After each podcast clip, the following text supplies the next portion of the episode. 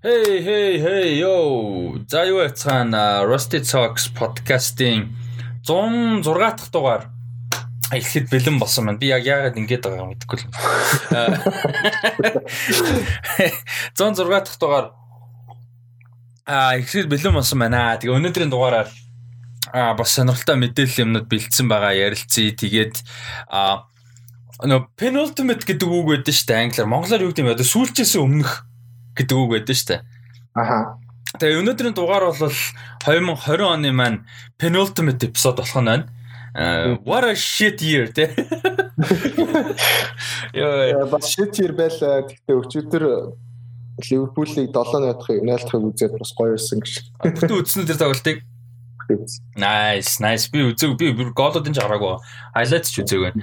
Um а юу Гиснээс би гоё гів үе зарлчих. Зарлаа гэх. Даадгүй чи юу яадаг вэ? Хөлмөгийн нийтлэл юм уушдаг болоо. Уушдаг шүү. Тийм би ч бүр амар гоё судалгаатай, амар гоё tactical analysis бүр амар гоё нийтлэлүүдтэй юу яах вэ? Аа сайтын subscription авах? Би чамд явууллаа. Атлетико. Тийм. Subscription явуулаагүй. 30 хоногийн subscription авах for free. А тийм тийм авсан шүү дээ. Би тэр ажиллаагүй. За 30 хоногийн free subscription би giveaway хийж болж шүү. Тэгээд нэг юм уу хоёр хүнд өгч болж чинь яг genuinely яг 30 хоног бүр амар гоё идэвхтэй уншаа магадгүй яванда subscribe хийгээд ингээ уншин гэвэл а юу ягаараа а комент үлдээд юм уу эсвэл пэйжээр бичээрэй.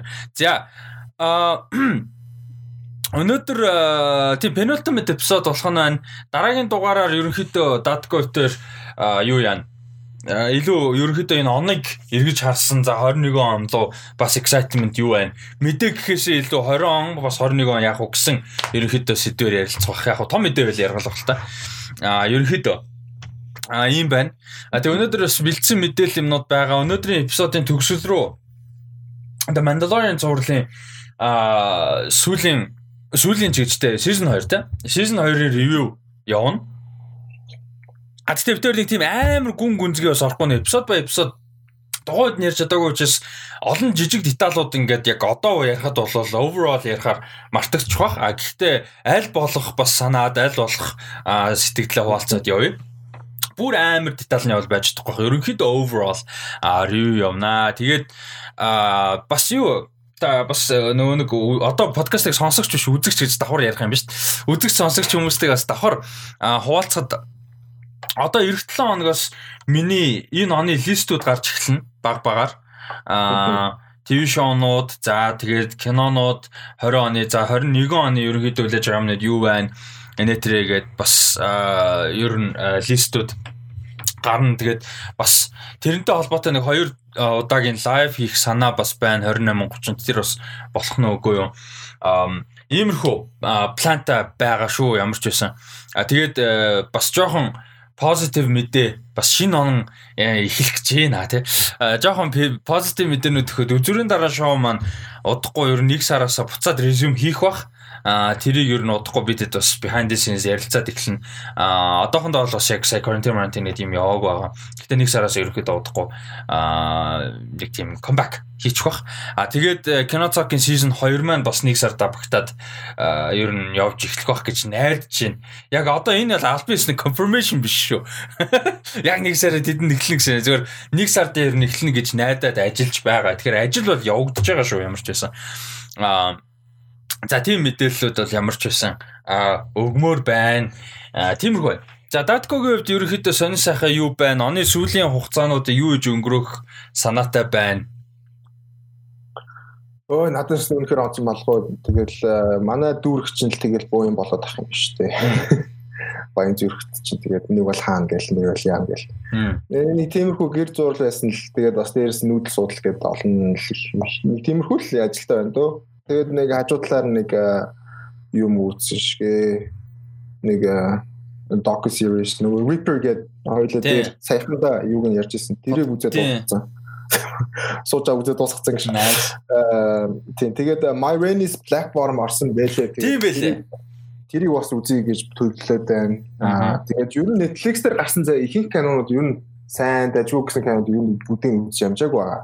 Одоо жишээ нь гэж нөгөө Chicago 7 Trial of Chicago 7 тэр нэрийг ер нь бүгднийг нөхөж үздэг юм уу бодоод. Тэр нөгөө Mank бас орсон байсан. Mank орсон байна. Тэдрийг нэг нөхөж үзэндээ. Одоо удахгүй шүү тэгээд одоо шинэ шинэ жил боллоо тэгээд тэр болтол нэг нэг 10 хоног 11 хоног нэг дараалаад үзчихэл тэгээд гүцэх баха. Аа. Өөр юм үзье гэж бодсон юм. Яг нь Netflix дээр нэлээд юм орж ирэн тэгээ нөгөө бас удахгүй аа тэр чинь нөгөө Midnight Sky лөө. Тийм Midnight Sky тийм. Тийм Midnight Sky удахгүй орж ирэх хэрэгтэй. Тэгэхээр тэрийг бас үзэн гэсэн үг. Аа нэг юм хөл байна да. Ер нь Netflix-ээс холдохгүй дээ.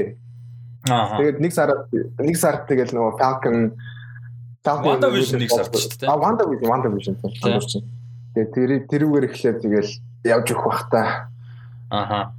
Одоо Midnight Sky дээр бол айгүй юутай байна, хайптай байна. А би юу яаж байгаа 20 оны кинонуудаас нөхдөй мүү гэж одоо явж байгаа. Сая Birds of Prey үзсэн. Nice, nice. Яг тэрүүхэн дэндээ хөөхөн фанл гэнэ байлаа. Тэрүүхэн дэндээ. Fine, it's fine. It's it's okay. Тэр тэр юу н амар ядаргаатай байсан. Narration нь ер нь тэр нөгөө Margot Robbie-гийн Harley Quinn-ий тэр нэг акцент нь ч гэх юм уу, хоолойч гэх юм уу, ярьж байгаа ч гэх юм уу нэг амар ядаргаатай. Тэгээ зүгээр дүр нь ингээд явхад okay fine whatever зүгээр ингээд narration хийгээд тахаар амар ядаргаатай байсан яг тэр хоолой тэр яриагаараа. Тэр нөгөө Street Talent дүр чинь нөгөө хин Jude Law биш хин байлаа. Evan McGregor. Evan McGregor гэсэн тийм. Evan McGregor-ийн дүр чинь Black Black Mask. Тэр ихэндээ амар тийм гоё дүрч юм шиг, кул ч юм шиг нэг тийм явсан. Сүүлдээ амар анаа юм болцсон. Тэгээд тэр нэг амар inconsistent байсан тэр эсрэг дүр яг яг ямар байлгах гадаагааг нь хүсээ нэг ойлгохгүй л гоё эмхтэй гол дөрүүдтэй болохоор амар predatory амар хөгийн одоо эмхтэй хүмүүс тандж байгааг нь албаар тэгж харуулад байгаа юм шиг те тэр нь амар consistent юм шиг үгүй юм шиг тэгээд Тиймэрхүү асуудалтай. Гэтэ түүнээс биш нэг фан ер нь бол нэг зүгээр нэг тийм амар топ тир кино биш зүгээр л дажгүйтер фан киноос. Аа тэгээд сүлд би чи юу үзлээ? Jessica Jones season 3 дуусгасан. За яста нэрээ MCU Netflix-ээ дуусгаж байгаа юм да гэж бодоод л өстой гүрээсээр байгаа л нэг 13 эпизод дуусгасан да. Ер нь бас хэцүү явж илээ шүү. Season 3 бол За би нэг сонин кино сонин ч гэжтэй дээр үе нэг Jim Carrey-ийн кино үзсэн Me Myself and Irene. Оо амар гоё штэ. Амар гоё штэ. Амар тэр зэгт амар сонирхолтой хөгжилтэй кино байлаа. Сайхан үзсэн тэгээд би өөр нэг тэр тэр үе нэг 90-ад оны кино бид нэлээх үзэж ах шиг байна. Аа. Тэгээд яах нэг тийм кино үзэж эхлэхээр тэгээд Netflix дээр тэрүүгээрээ зодоод эхэлчихсэн. Аа. А тэр гүтэн үзээл. Би сүлд Андрю Шулц гэдэг нэг юу эдэн шүү дээ мэдхөө. Комедиан. Ни харуул мэдэх баха. Ер нь карьер нэлээд өсөж байгаа баг аахгүй тэгэд мань хүн нэлээд мундаг явж байгаа сошиал медиа дээр амар идэвхтэй. YouTube channel, Instagram-аар амар сайн. Тэгээд Нэлээд сайн жаа карантин ихсэн нэг юм шинэ форматтай шоу эхлүүлсэн байхгүй мань хүн яг specific сэдвийг ингээд нэг юм сандал дээр сууж авч жагаад ярьдаг яг Instagram дээр зөвхөн тэр видео нь зурлаа одоо одоо шоу гэх юм да. Тэгээ тэр нь амар хит болоод бүр амар сайн яваад тэгээд Netflix тэд нартай гэрээ хийцтэй Netflix юм шоу болцсон байлээ дөрөв эпизодтэй. Short Saves America гэдэг. Nice nice. Үзээрэй тийм мань хүн амар гоё. А тэрийг бүтэн үзсэн тэгээд comedy lineup гэдэг stand up comedy нэг тийм short цуурлууд байсан. Тэгээд тэрийг үзэж байгаа Netflix дээр өөр чинь аа сүүл нэг кино үзсэн юм аа. Аа shit Russian Doll үзсэн шүү дээ. Netflix-ийн амар амар гоё би бүр нэрэ бүгдэнд нь санал. Russian Doll бүр амар гоё юм байлээ шүү. Бүр үнэхээр гоё юм байлээ. Аха. Тэр үгүйс би бас Netflix дээр нөгөө тхөө Master of None ихлүүлсэн байгаа. Nice. Нөгөө хиний Aziz Ansari гэлөө. Тий, тий Aziz Ansari. Тий. Тэгээд нөгөө Legend of Korra бас Netflix руу. Тий, Legend of Korra орсон. Тэрийг бас ихлүүлчихэж явж байгаа. Эхнээс нь үзээ явж байгаа. Go go go. Бус бус. Чи үзчихсэн юм шүү дээ, тэгтээ өмнө. Үзчихсэн, үзчихсэн. Аа, за за. Nice. Боломж байгаа дээр дахиад үзчих байхгүй. Nice. Юу яасан? Аа, The Mandalorian угаасаа ярьчихна. Expanse маань гараад эхэлсэн байгаа my all time favorite show-нуудын нэг season season 5-ын эхний 3 эпизод шууд лонч хийсэн. А тэгээд одоо дандаа нэг нэг эпизод гараад явна.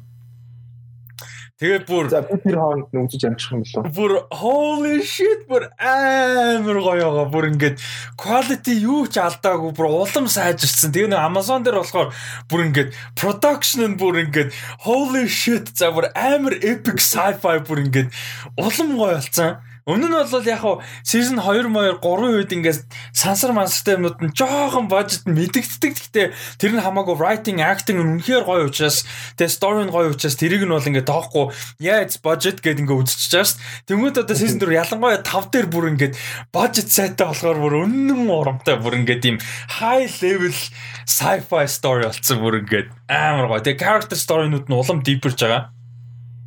Nice. Бүр амар гоё явж байгаа. Би season 1-ийг арай дуусгаагүй байгаа. Ер нь бол нэг дундны яваад орхисон ба. Тэрийг гүзээ да. Би хүмүүст хэлээл байгаа шүү. Expanse please please үзээрэй гэж. За зөөр юу үзлээ. За ерөнхийдөө нэг тиймэрхүү л байгаа бах та. Өөр үтсэн юм санаанд орохгүй байна. Хөлмөй тайлбар хийгээд байгаа. Одоо сая Levante юуны тайлбар хийсэн. Levante Levante Sociedad-ийн тайлбарсан. Одоо хоёр дахь шин а Хоёр дахь шин my biggest game ярьд заяо. Аа ач холбогдлын хувьд яг миний хувьд юу вэ гэхээр Sevilla Valencia аахгүй. Valencia-гийн талбай дээр Valencia Sevilla. Амар том хоёр баг түүхтэй хоёр том багийг тайлбарлана. Тэгээд so that's like a big deal. Sevilla. Nice. Тэ а team ban. So okay. За тиймэрхүү байна. Ерөнхийдөө эпизодын эхлэлийн хувьд бол өнөөдрийн 106 дахь дугаарыг эхлэе. За А хоёлаа мэдээллүүдээ ярилцъя. Ингээд дэлгэцтэй дүрцтэй яваад ахаар хүн манай хэдэд их таалагдаад байгаа. Тэгээд юу яа гэж бодоод карантин мантин юм гайг болохоор хоёлаа уцаараа бичлэг хийгээ ингэж явж байгаа юм чи хоёлаа уцаа жоохон одоо яг энэ уцаа ингэжтэй тавиад жоохон зайтай суугаад хажууд нэг таблет ч юм уу чи бариад мэдээлэл хараад шууд ингээд шоу нэвтрүүлэг шиг шууд ингээ хоёлаа суугаа явчихд юм уу гэж бодоод шв. Тэгвэл тэгэл л. Нэгэнт одоо дүрстэй болцсон чи буцаад яг одоо дүрстэй явд юм уу гэж бас бодоод байна. Нэг бодлоо. Аа биш нэг хоёр дугаараа өмнө хэлсэн л дээ буцаа аудио руугаа орно гэд. Гэхдээ дүрстэй явах юм бол нэг тийм амар сүртэй өөрчлөлтгүйгээр зүгээр яг хоёулаа ярьдаг ч юм нэг тийм амар сүртэй эвлүүлэг юм энэ байхгүй. Аа тийм бодолтой байна. Манай дэс сэтгэлдээ хуваалцаад яваарай. За. За энэ болохоор аа Equinox гэдэг Э, одоо иммуни трейлер байгаа. Энд чи зурал үлээ. Кино тий. Тийм. Кино л. Тийм. Кино трейлер байна. За энэ чамд ямар санагдав? Ямар э, сэтгэл төр энэ трейлер? Энэ чи германд үлээ. Тийм шиг байна л дээ. Хүмүүс нөгөө Dark Time хацуулаад нэг тиймэрхүү комментүүд амар харсан. Нөгөө Dark-ын үзег болохоор сайн мэдгүй. Яг vibe ямар хөө юм.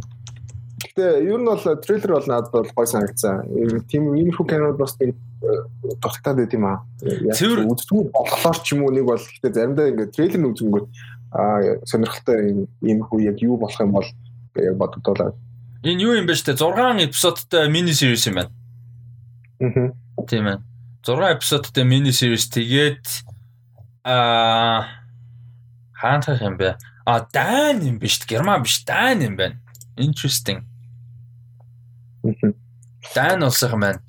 Тэгээд дүүн алга болчихсон юм шиг байна тий. Тэгээд тий дүүн жоохон байхад нь бүр алга болцсон. Тэгээ манай хүн насанд хүрснийх нь бүр дараа ингээд дүүн харагдаж марагдаад юу болсон нь амар учир битүүлэг яг яаж алга болсон юу ямар хэрэг болсон гэдэг нь учир битүүлэг те тэр нэг тийм supernatural юм бас яваад байгаа шүү гоо тий Тий нэг тийм шүү байлаа тэгээд трейлерийн хувьд бол надад сонирхолтой санагдсан яг тэр уур амьсгал нь амар мэдрүүлээд Тэгээд нэг тиймэрхүү кино үзэх гоё юм аа. Заримдаа гэхдээ би яг байн үзээ бол чаддгүй. Тэрээс трейлерүүд бол надад таалагдсан сонирхолтой харагдчихлаа. Тэгээд dark dark үзсэн хүмүүс нэлээд таалагдах юм шиг үлээ бид комментүүд нь харж байхад нэг тиймэрхүү юм яваадсан. Аа. Тийм тэгээд өөр чин бас нэг адилхан vibe гэх юм бол Midsummer бас нэг тиймэрхүү иймэрхүү нэг ritualтай нэг тийм нэг mysteriousтэй нэг юм иймэрхүү штэ. Vibe vibe нь бол яг хаа адил төстэй гэж хэлэхэд хэлж байж магадгүй. Тэгээ хүм тиймэрхүү канон сонирхтой хүмүүст бол сонирхолтой санагдах байх. Надад бол аим шиг гэхээс илүү зөв mystery гэдэг талаас бол аим сонирхтой. Тэгээ mystery drama тий. Тэгээ надад айгүй сонирхолтой санагч. Тэгээ нөө нэг юу болохоор нөө нэг Дани шоу гэх уу агуу гоё юм л. Яг би нэг амар олон Дан кино үзсэн юм судлаа ярихгүй. Гэтэ нэг одоо ингээл нөгөө нэг Best International Film Enter гээл олон ингээд юунууд англи хэлтэй биш олон одоо шилдэг кинонууд энэ төр гээл ярахад юунууд Дан кинонууд амар их байдаг. Royal Affair Affair гээл те тим кинонд одоо жишээ нь Nicholas Winding Refn чин дан хүн мундаг найруулагч Mads Mikkelsen дан те хин чин Nikolai Coster-Waldau чин бас юу штэ дан хүн штэ нөгөө Jamie Lannister тоглож жүжигчин. Тэг яг даны кино урлаг бол айгүй мундаг юм байлээ л дээ. Ер нь бол а тэг яг бид нар нөх амар яриад ч юм онцлоод байдаг гэхдээ айгүй мундаг гэдэм байлээ. Тийм болохоор бас тэрний гой төлөөлөл байна гэж найдаж байна. Тэгэл хоёлаа яриалаа. Тэгээ ер нь Netflix ингээд бусад олон улсын өөр улсуудын ингээд юунууд уур амьсгал хийц кино урлыг цувралууд а промошн явуулах тусмаа их гоё яваад байгаа тийм. Харин яа одоо ч юм тэгээд удахгүй бас нэг юу орж ирэх юм байна. Гинт гинт цацлаа нөгөө Pieces of Woman орж ирэх юм байна. Yes, yes тэр бүр амар гоё хэвээр. Тийм. Ер нь Netflix ер нь яг киногоо бүр битүү зодж байна. Тэгсэн мөртлөө хуучин юмудаа үзээ явааш. Би ямарсан да наркос сүлт юу наркос нэг хүний тухай хэлж өгөхгүй юу? хүн асуугаа тийм би наркостай тухай. Тэгээ бүр наркос нэг санаад бүр ингээд харваа санагдлаад болтой. Тэгээ өглөө ирсэн ирсэн нэг хоолунд нэг хальтим хий ингээ нэг тийм амар онц хийх юм уу. Тэгээ би дөрөв баг 5 эпизод үзсэн шүү дээ. Бүр ихтэйс наркос. А, Мексикогийн юу season 2-ыг биш биш season 2 биш season 3 гэлээ. Билээ. А, Мексико season 1 2 байгаа. 1 2 байгаа тий. Хоёр дахь season үзег. Үзег байгаа мó. Нэг үс гүйцчээч. Харин хоёрын үзчихвэл гүйцлээ. За. За Equinox болохоор 19 сарын 30-нд Netflix-д орох юм байна. Энэ тэгээд бас та трейлерыг нь үзээрэй. Ер нь айгүй сонирхолтой харагдчихлаа. Тэгээд бид хоёр яриалга айл болох олон улсын бас юм production юмнууд үзэх нь гоё perspective өөр өдөг, culture нь өөр өдөг. За мэдээж хэл байна. Америк гэлтгүү одоо тий Америк Япон юу гэдэг бидний түгээмэл үзээд байдаг кино одоо улсуудын кино урлагаас гадна өөр улсуудын кино урлаг юу үзэх нь бас гоё штэ бид нэр үе таалга нээж явах хэвээр open minded байх хэвээр тий а тэр талаасаа бол гоё За тэгээ Equinox гэж зурвал богино хэмжээний зурвал 6 эпизод 19 сарын 30-нд орох нь. За дараагийнхан дахиад Netflix ерөөдөө Netflix айгүй их ярих бах. Энэ болохоор бас юу? Цурал алуурчин багийн тухай баримтад ийм цурал байгаа. Night Stalker, The Hunt for a Serial Killer гэдэг 85 оны 100 Лос Анжелес хотод бүр ингээд бөө юм болж исэн юм хэрэг юм байлаа. Айгүй олон хүн ингээд алуулж исэн нэг хүнд ийм цурал аллаг болж исэн. Тэгээ бүр бүхэл бүтэн хот ийм айдастай байсан тохиолдол гарсан юм байлээ. Тэгээд энэ болохоор 1 сарын 13-нд Netflix орох юм байна. Энэ трейлер чамд ямар санагд? Энэ дэр би бол нэг сэтгэл чамд чамд ихлэ сонсон. А энэ болохоор юу байсан санагдсан. А яг тэр алуурчных нь талаар юу мэрчлээ те. Яг юу хийсэн алуурчин. Миний сая үзсэн Reaper болохоор арай илүү яг алуурчных нь талаар биш яг тэрийг тойроод яг нийгэм зүй тохиолж байгаа талаар илүү байсан л та. Аа. Энэ Reaper арай нэг тиймэрхүү юутай юм байлаа тоххой сервис юм байлаа. Цагдаа нар яг хаана алдаа хийгээд тэр одоо алуурчин 5 жил үргэлжлээд хүн алж явсан. Тэгээд яг тэр хооронд эмэгтэйчүүдийн одоо social дээр нэг феминизм массажны тэр гэдэг ямар юм англид ямар том байсан тэр гэдэг тиймэрхүү social юутай амар холбоотой байсан. Тэгээд хамгийн сүүлийн анги дээр л яг нөгөө алуурсны талаар арай илүү мэдээлэл гараад нэг тиймэрхүү байсан. Тэгэхээр би бол яг энэ трейлер үзэж байхад бол энэ илүү анханасаа яг нөгөө алуурсны яг хэн байсан алуурсантай холбоотой яаж хаад нөгөө трейлер надад тийг санагдал нөгөө төгсгөлд нь яг царийг нь гаргаад ямар хүн байсан байсан гэдэг хингүүт нь тийг санагдсан. Арай нэг арай нэг арай өөр төрлийн докюментари series байх аа. Аха. Доку series юм уу нэг бол нэг акт.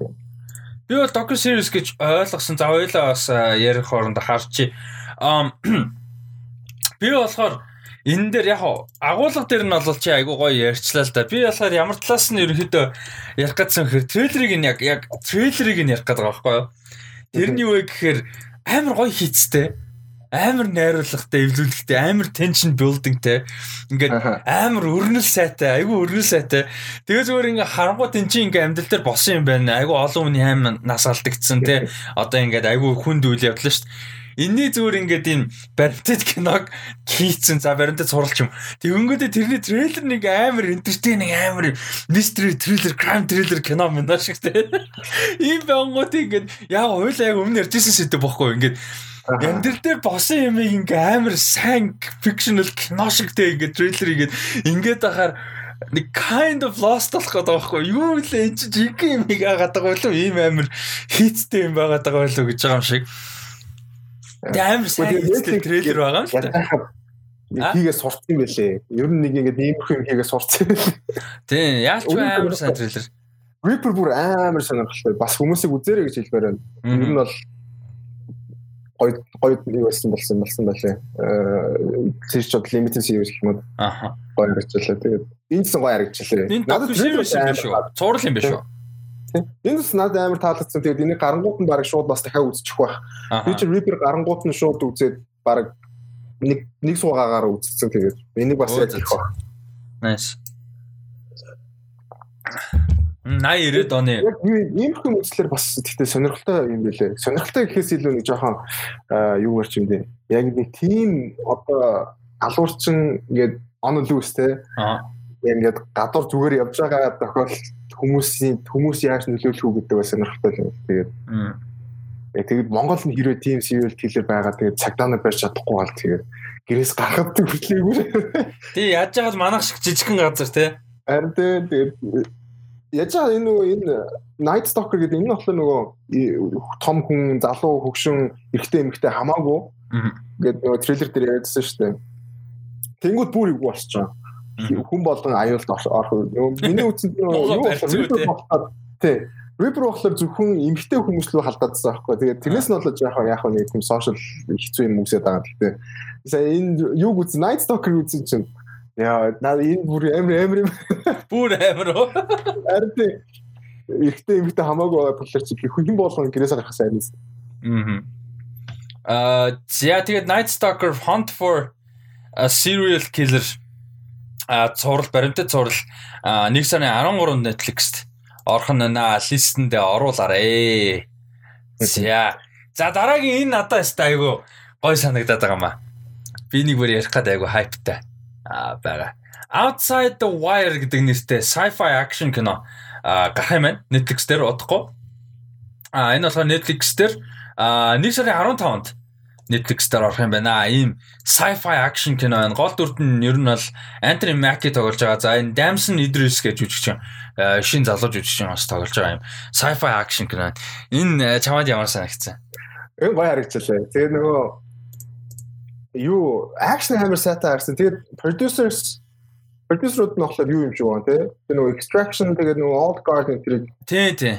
Яг студио гэдэг тэр яг Netflix-ийн хийж байгаа болохоор тэрийг л яаж байгаа юм да. Гэтэ action сайтай харагдчихлаа хамгийн гоё нь. Action бол гоё. Тэр амар тий. Тэгээд гол тэр манай Anthony Mackie болохоор нэг тийм rough юм шүү гэн тий. Юу Android cyborg юм шүү. Тэг хүн байж байгаа тийм нэг юм rough зурх юм болцсон юм Тэгээ cyborg гэхээс илүү эсвэл нэг бол яг робот бол биш байгаа юу ах зүгээр нөгөө enhanced human бах. Миний бодлоор. Тийм enhanced human юм уу тийм хүнийг cyborg хавцал юм шүү. Тийм. Яг хүний хувьд бол хүн баха яг робот бол биш бах. Миний бодлоор шүү. Энэ амар exciting, энэ амар exciting харагдлаа. Тэгээд нөгөө ямар хүн нэг action camera гоё юм аа. Яг тийм serious биш те. Тэгээд нэг хэцүү гоё. Гоё fun те. Тийм fun хахад. Нэг тиймэрхүү л харагдлаа. Тэгээд би бүр Ямар санд яг энэ трейлерын notification ирээл үзэл явангуудаа би яг тэгж байгаа байхгүй бараг ам ам алтуу алж байгаа байхгүй. Зүгээр give me sci-fi Anthony Mackie any day. Give me give me action Anthony Mackie every day Ямар санда би бүр Altered Carbon үзэх гээд амар хайптай байгаад байна. Яг хуу season 2 нь жоохон сул гисэн л дээ. Зүгээр гэхдээ Anthony Mackie бүр нэг юм айгүй гойж үжигчин тэгээд нэг тийм одоо Falcon and the Winter Soldier за одоо энэ кино тэгээд Altered Carbon season 2 энэ төргээд тэнгууд ингээд about fucking time гэж хэлмээр санагдаад байгаа байхгүй бүр айгүй олон жил ингэж явж байгаа жүжигчин шүү дээ. Чи бүр 2000 оны ихээ ихээс 20 гаруй жил ингээд 90-ад оны сүүлээс хойш явж байгаа одоо л яг гоё болж байгаа санагдаад байна. А? Hard Locker энэ дээр гэдэг юм шиг л шүү дээ. Тийм шүү дээ. Hard Locker дээр байгаа нөгөө нэг юун дээр байгаа шүү дээ. 8 Mile дээр байгаа. Оо shit тийш үү те. Тэгээ нөгөө нэг нэг пак хоёр пак гэдэг чи. Тэгээд Антер Мак амар hard working агуу гоё жүжигчин сайн жүжигчин. Тэгээ одоо яг ингээд өөрийн гэсэн лид кинонууд цуурлуудтай ингээ юм тоглоо одоо бүр ингээд амар өмнөөс нь happy. Энэ л амар cool харагдчихлаа. Манай хүн ч угаасаа амар cool харагдчихлаа. Yeah, yeah. Тэгээд хамгийн гол нь sci-fi гингүүд гоё очиж байгаа хгүй Android, Droid тэгээ Cyborgs гэх тийм. Тэгээ энэ action Old Guard юу хоёрын action бол сайн байсан шүү дээ. Extraction 2. Яг го choreography юм энтриг нь яаж хийсэн мэдгүй. Гэхдээ энэ бол яг тийм гоё байраас actionтай л харагдчихлаа. Тэгээ ийм гоё action кино ер нь хэрэгтэй. Яг extraction шиг гоё surprise болох юм бол амар гоё. Тэ? Тэгээ Антони Маки гоё карьер бүр ингээд fucking and Winter Soldier өмнөх нь тэ. Аа. Тэгвэл бүр гоё. Extraction-аас юу ч хүлээгээгүй үзсэн чинь зүгээр гоё surprise болсон шүү. Стага байсан. Extraction стага байсан. За а за одоо ер нь а юу яа одоо энэ дараагийн кино бол Chloe Zhao гэдэг найруулагчийн Nomadland гэх киноны трейлер ба тэгээд э, энэ дээр болохоор яг шийдв бас байгаад байгаа нь яг трейлер орохоос өмнө тэрний юу гэхээр одоо award season ерөнхийдөө эхлээд одоо эхэлчлээ. А ерөнхийдөө бол а гэхдээ энэ жилийн одоо энэ удаагийн award season бол нэлээд одоо dragged out буюу э, урт хугацаанд үргэлжлэнэ. 4 сарын 30-нд билүү дээ Оскар ч тэр явцаа байгаа шүү дээ. 4 сарын 20-нд төчлөө. Тиймэрхүү байгаа. А тийм учраас award season бол нэлээд удаан тайван удаан хугацаанд одоо ингэж сунж бол өрнөн. А гэхдээ ерөөдөө эхэлсэн. Тэрний талаар өнөөдөр бас дахиад нэмж ярилцсан. А тэгэд Nomadland бол энэ жилийн Оскар season-ы хамгийн хүчтэй өрсөлдөх бас кинонод энийг бол гарч болж гарч байгаа. Ер нь фестивалууд дээр нээлттэй хийснээс хойш нээлттэй хийх болгондоо маш өндөр үнэлгээ аваад шүүмжлэгчдээс өндөр үнэлгээнээс гадна олон фестивалаас шилдэг кино, одоо шилдэг найруулаг, шилдэг жүжигчин, тэ шилдэг зохиол гэсэн шагналуудыг бол аваад яваад байгаа юм кино байгаа. За энэ киноны найруулагч нь өмнө The Rider гэх кино найруулж ирсэн. Одоо хамгийн том бидний өнгөрсөн жилээс хойш ярьж байгаа юм нь бол сая 11 сард нээлттэй хийх ёстой байсан Marvel те Marvel Studios-ийн The Eternals киноны э, найруулагч Chloe Zhao. А тэгээд мань хүмүүс Eternals гарахаас өмнө ингээ карьераа бүр гоё болгоод амжичлаа шүү дээ. Дахиад нэг мундаг кино гаргаад бүр ингээд тэр бас гоё юм. А тэгээд Nomadland-ийн трейлер чамд ямар санагдав?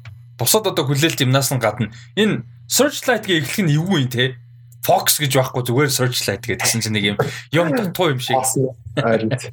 За, трейлер чамд ямар санагдав? Аа, юу мэрч юм бэ? Их тийм тайван гэх юм уу? Өгж байгаа мэдрэмжний үед нэг тийм яг уу Яасан нөгөө нэг газрын нөгөө юу economy те эдийн засаг. эдийн нь нурцсан тэгээд манай хүн болохоор намад гэдэг чи одоо монголоор юу гэдэг лээ Яг одоо нүүдэлчин гэхээр яг Монгол бидний нүүдэлчин бол биш. Одоо номад гэхэр чинь яг нүүдэлчин бид нар нүүдэлчин гэдэг үгийг номад гэдэг. Тэгтээ монголчууд бидний нөгөө нүүдэлчин гэхэр шал өөр culture болоо явж штэ. Монголчуудын маань нүүдэлчин амьдрал бол. Тэгэхээр энэ бол яг яваад байдаг л. Тэг энэ болохоор яг тийм гэхээсээ илүү жоохон аялаад аялын ихэнх цаашаа зүгээр энэ тэнд очиод амьдрал яваад байгаа. Яг нүүдэл гэдэг утга хിവэрэ гэхдээ монголчуудын маань нүүдэлчин амьдрал шиг бол арай биш. Тий арай биш тий. Гэтэ энэ амар нэг тийм юу кино үлээ нөгөө аа юу гэмэрчэндээ Үнтэй адилхан. Өөр ямар канал гэдэг лээ нэг тийм аа зүгээр л нэг өдөр тутмын амьдрал дээр суурилсан. Тэгээд яг тэр хүн юу тохиолж байгаа эргэн тойронд юу тохиолж байгаа. Нэг тийм тайван удаан нэг тийм канал үүдэн шүү дээ. Одоо чинь юу юу гэмэрч юм дээ аа marriage story ч юм уу. Яг чинь зүгээр хоёр хүний амьдрал дээр суурилсан кино байгаа шүү дээ. Нэг нэг том үе дээр нь суурилсан. Энэ болохоор ингээд яг энэ хүний бас нэг амьдрал дээр суурилсан нэг тайван. Тэгээд нэг хүмүүстэй харьцаа тэгээд ерөн тойронд юу болж байгаа. Өөрөө тийм чи яг юу explore хийж байгаа ч юм уу? Нэг тийм тайван. Надад бол нэг зүгээр трейлер үзэхэд нэг тийм их тайван л нэг adventure санагдсан нэг тийм гоё. Тэгээд энэ дундаа айгүй их commentary явах бах нийгмийн ер нь эдийн засаг одоо нийгэм ерөнхийдөө за political нь хайшаа гэхдээ нийгмийн commentary айгүй явах бах гэж хараад байгаа. Тэгээ трейлер надад амар таалагдсан. Ингээд кино нь өөрөө айгүй юм тайван, удаан өрнөлттэй яг юм хөндөх гэсэн сэдв харуулъя гэсэн санаагаа яг амар гоё clear айгу тодорхой гоё харуулна гэдэг нь байгаа. Тэгээ Francis McDormand амар тийм нэг тийм жүжигчин байдаг шүү дээ нэг тийм жүжигчин ерөөс харагдахгүй байхгүй. Нэг тийм уусаад байгаа ч гэх юм уу эсвэл нэг тийм жинхэнэ санагддээ дээ. Одоо нөгөө нэг бид нар ингээм амар glamorous жүжигчдийг харахаар яг гоё кинон гоё ингээ гоё явцдаг. Окей fine. Гэхдээ ингээд нэг тийм одоо драман дээр ч юм уу юмн дээр бол хэцүү байдаг дээ тий. Тэнгүүд нэг тийм Adam Driver Myver те Ethan Hawke одоо химэдэ Francis McDormand би янз бүрээр одоо шүүм негатив юм ярьж байгаа юм биш үү. Гэтэ нэг юм everyday people тоглож болдог нэг тийм жүжигчд байдэн штэ. Тэгээ тийм дүрд тоглохоор нь бид нэр итгэх боломжтой. А тийм хүмүүс тийм санагдаад байгаа байхгүй энэ. Тэгэд айгуу гоё тэр нь бүр ингээд айгуу а хөрсөн дээр буухаар харагдаад байгаа. Тэгээд тэгээд яг гоё хүмүүс болохоор яг яг тийм амьдралаар жигнэсээ тэгж амьдрдаг хүмүүс гарах юм байлээ. Тийм гэсэн. Тийм. Тэгээд э, тэнгууд нөгөө бүр бас яг тэр канонд яг жиг амьдрал ороод ирж байгаа юм уу? бодит бүр илүү бодит болгосон. Тийм. Энэ амар мэдгчээлээ. Тэгээд энэ трейлерыг үзэхэд бол нэг тийм сонирхолтой харагдчихлаа. Нэг тийм докюментари ч юм шиг. Тийм гоё харагдчих. Би нэг яг би киног мэдээж үзээгүй байгаа. Гэхдээ яг нэг тийм яг зөвхөн трейлерээс нь авах мэдрэмжтэй ойролцоо одоо энэ трейлер дээр нь гарч байгаа агуулгатай ч юм уу төстэй нэг юм гой сэдвүүд хүндсэн бас драма юм гой кино санал болгоё Live No Trace үзээрэй гэмээр гэж хэлмээр байна. Яг хүмүүс түрүүн санал болгоо яриа л лсэн шүү дээ 18 онд гарсан. Ben Foster тэгээд Thomason McKenzie тоглосон. Live No Trace-ийг үзээрэй гэж санал болгомоор байна хүмүүст. Бүр үнэхээр гой кино. Энд тэгээд Америкаар ингээл яг аялж байгаа зурглууд нь яг дунд нь явж байгаа Buffalo нөгөө явж мовч тэр тэнгуүтээ тэр нөгөө Yosemite National Park баг тэнцэнэ мэнчинэл ах шиг байсан тэгээд амар гарагчлаа. Зурглууд бол амар гарагчсан. Тийм тэгэл одоо эн чинь бас айгүй өөр перспектив байгаа хөө бид нар ингээд ийм трейлер паркт амьдардаг ч юм уу ийм одоо аялж амд аялна гэхээр агуу тийм эрг нэг тийм сайхан дураараа яж байгаа юм шиг болчиход. Гэхдээ нүүдэлчилж тэг ингэж амьдрдаг хүмүүс Америк зөндөө байдгаа гэдгийг нэгдүгээр хайлайт хийж байгаа. Хоёрдугаар тэр амьдралыг бас энэ чинь ингээд humanity байна тэг ингээд ялгуурлаж амар үздэг тэг хүмүүс нийгэм ч гэсэн ялгуулж үздэг. Одоо медиа ч гэсэн уран бүтээлэр ч юм уу хүмүүс ямар нэг байдлаар ялгуурлаа айгүй их байдаг. Тэгээ эн чинь бол тэрийг илүү humanize хийж байгаа тий. Ямар хүмүүс байна боддоор ямар хүмүүс байдаг, яаж амьдардаг гэдгийг бас энэ хүний одоо энэ Francis McDormand-ийн дүрийн өнцгөөс өнцгөөр тэгээ энэ дүрийн нүдээр бид нарыг илүү харуулж мэдрүүлж байгаа юм болов аа гэж бас хараад байгаа. Энэ бол яг э, ер нь заавч үзэх ёстой кинод нэг байна. Ах essential-үүдийн нэг байна. Энэ энэ жилийн тэгээд юуны award season-ы ер нь хамгийн том кинонуудын нэг болох нь. Тэгээд э, Nomadland бол 2 сарын 19-нд юу яах нэ? Америкт театруудад нээлттэй. Энэ жил ярьж ирсэн шүү дээ. Сайн ярьсан те нөгөө Oscar season, Oscar ч гэжтэй award season илүү удаан болж байгаа учраас 2 сард кинонууд нээлттэй хийгээд award төрсөлдөх боломжтой байгаа шүү дээ. Аа ийм байна. Аа зя дараагийн за ингээ ерөөдөө трейлерууд дуусчихаа. А дараагийн мэдээ. За энэ болохоор а бас их сонирхолтой мэдээ яг би киног үзэж байгаагүй гэхдээ их сонирхолтой мэдээ нь юу гэхээр Оливия Assayas гэд Франц найруулагч байдаг. Би бас нэлээд хэд ярьжсэн да. А Clouds of Sils Maria гэх гоё кино байгаа. Juliette Binoche, а Kristen Stewart хоёртой туслах төртх юм байдیں۔ Chloe Grace Moretz нэг хальт гардیں۔ Тэгээд тэр кино минь бас үзчихээр Prisoner Shopper гэдэг бас айгүй мундаг кино байгаа. Бас Kristen Stewart тавсан. Ер нь бол Olivia Assayas бас Францын бас нэлээд мундаг найруулагчдын нэг одоо баг 30 гаруй жил карьер үргэлжилж байгаа юм найруулагч. А тэгээд мань хүний а 80-ад онд юм уу 90 а sorry 96 онд гарсан байна. 96 онд гарсан юм Irma Verb гэж Irma Irma Verb гэж кино байдгийм байна. А тэгэд энэ кино нь болохоор юм а триллер psychological thriller маягийн кино. А тэгээ энэ болохоор энэ жүжигчин эмэгтэйгийн тухай. А тэгээд энэ жүжигчин эмэгтэй ерөөдөө карьер амьдрал нь ингээд докторгүй болцсон уучраа болохгүй нэг юм хэцүү байдалд байгаа. Амьдралынхаа юм хэцүү одоо цаг үед амьдарч байгаа үед үдээр явж байгаа гэх юм. Ийм эмэгтэй Irma Web гэдэг ийм дүрд тоглохоор болчдөг. Одоо кинон дотроо шүү дээ. Кинон дотроо дүр нь өөрөө жүжигчин дүр. Тэгээ ийм кинон тоглохоор болчдөг. А тэр нь өөрөө триллер кино. А тэгээ тэр нь өөрөө тэр дүр нь бас юм mysterious алуурчин ч юм уу одоо яадаг ч юм дээ нэг юм бас л гим тэр юм mysteryтэй холбоотой юм дүртэй.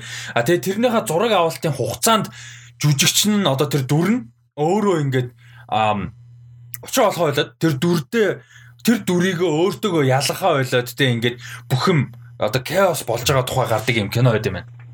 А тэгээд тэр киног адапт хийж дахиж хийхээр болж байгаа юм байна. А тэгээ тэр нь болохоор HBO дээр а ямар ч байсан гарна. А тэгээд A24 television продюсераар ажиллана. А тэгээд Оливия Асайс бол яг ерөнхийдөө юугаар а продюсер ажиллана. Гэхдээ гол одоо writer гүйцэтгэх продюсер нь Euphoria зурлыг хийсэн Sam Levinson ажиллана. Тэгээ гол дүрд нь Alicia Vikander тоглох юм байна. Тэр ер нь бол ажиллаж байгаа баг бүрэлдэхүүн тэгээд продюсер хийж байгаа компани нь тэгээд дистрибьют хийж байгаа бүгд энэ бол бүр юм амар мундаг тим бүрэлдсэн а project хөтлөж байгаа байна. Ам тийм ээ. Nice.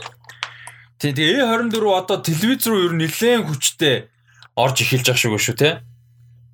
Тэгээ A24 одоо телевиз орж ирэхлээр юу ч болох. Euphoria season 1 ер нь эхний том TV шоу байсан. Дараа нь Safety Brothers-ийн нөгөө Emma Stone тоглож байгаа болцдог цувралыг зарласан шүү дээ. Оронд нь хин нөхөн орчлоо. Margot Robbie, Brad Pitt хоёр болоо. Shit. Үгүй тэр шин Brad тэр шин Babylon. Emma Stone байгаа те тэр зураг дээр. Тийм байгаа. Тийм Emma Stone. Тийм Safety Brothers comedy зураг. Тэгэнгүүтээ одоо Euphoria season 2 хийгдэх бах. Тэгэнгүүтээ нэмээд одоо ингээд а Olivia Assayas юм амар том project Sam Levinson-тай ингээ ороод ирэнгүүт бас A24 ер нь бас алыг шийтсэн байх шүү. Харин A24 тэгээ чанаргүй юм хийхгүй л дээ бас. Харин тэр нь гоё те. A24-ийн хамгийн муу кино юу вэ? Bling Ring уу? Bling Ring хамгийн муу кино нөх те. Bling Ring үзэж байгаагүй байна. Тийм яг Эма Эма Ватсны Эма Ватсантай тийм. София Коппола найруулсан санагдаад байна. Мэдгүй би бол хүмүүсээс бол тэрийг гоё гэж сонсч байсан. Үгүй яах вэ? Эма Ватсон хот гэдгийг л ярьсан баг. Probably. Гэтэ тэр кино яалч тийм сайн кино биш. Um За энэ бол их гоё мэдээ байна. Яг гоо мэдээж энэ Irma Web гэж киног нь бол үзэж байгаагүй. Гэхдээ Sam Levinson гүйцэтгэх продюсер ажаад writer ажиллан дээрэс нь Alicia Vikander өөрөө гол дүрд нь Alicia Vikander продюсераар ажиллаад өөрөө гол дүрд нь тоглоно. A24 television producer ажиллаж байгаа. HBO дээр гарна гэх тэгэхээр ер нь бол энэ цуврал бүр айгүй олон талаасаа чанартай бүтээл болно гэдэг. Агуулгыг мэдгүй ч гэсэн тэгээ дээрэс нь яг drama mystery thriller гэхээр бас зөвүүн л байна л да. А тэгээд ийм бүрэлдэхүүн ажиллахаар бас гоё сонсогдож байна. За дараагийнх нь болохоор за манай үзэгч сонсогчд маань мэдэх үгүйг сайн мэдэхгүй байна. А Le Carré гэж бас айгүй юм алдартай зохиолч байсан. А жихэнэр нь бол David оо Carrington билүү дээ. Тийм юм хүн бол байсан. Тэгээд Tinker Tailor Soldier Spy гэж одоо алдартай зохиол нэдэг. За тэрнээс гадна бас айгүй олон алдартай зохиол би хүүтэн дайны үеийн одоо агуулгатай зохиол айгүй их байдаг. Тэгээд энэ юунууд одоо spy гэдэг чинь тагнуул те тагнуулуудтай холбоотой юм сторинууд айгүй их бичдэг юм а хүн бол байсан өөрөө залуудаа бол бас хэсэгхэн хугацаанд тагнуулаар ажиллаж исэн тодорхой хэмжээнд.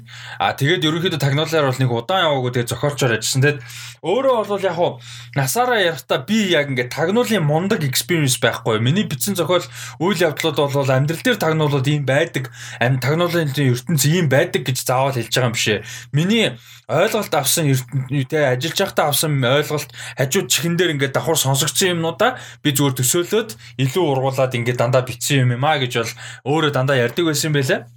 Аа тэгээд би бас аа одоо юм байна л та мань хүний амар алдартай зохиолууд гэх юм бол The Spy uh, who came in from the cold гэж зохиол байна. За The Looking Glass War гэж байна. Tinker Tailor Soldier Spy, uh, The Little Drummer Girl гэж байгаа. The Night Manager, The Constant Gardener, A Most Wanted Man гэсэн ийм бүтээлүүдийг бас онцолж ярмаар байна. За юу гэхээр Энэчнээс нөгөө Том Hiddleston-тэй нэг Night Manager гэх цуврал хийдэг шүү дээ. Yes, exactly. Тэрний зохиолыг бичсэн хүн байхгүй юу? HBO-гийн middle limited series шүү дээ. Тийм Том Хиксэнтэй.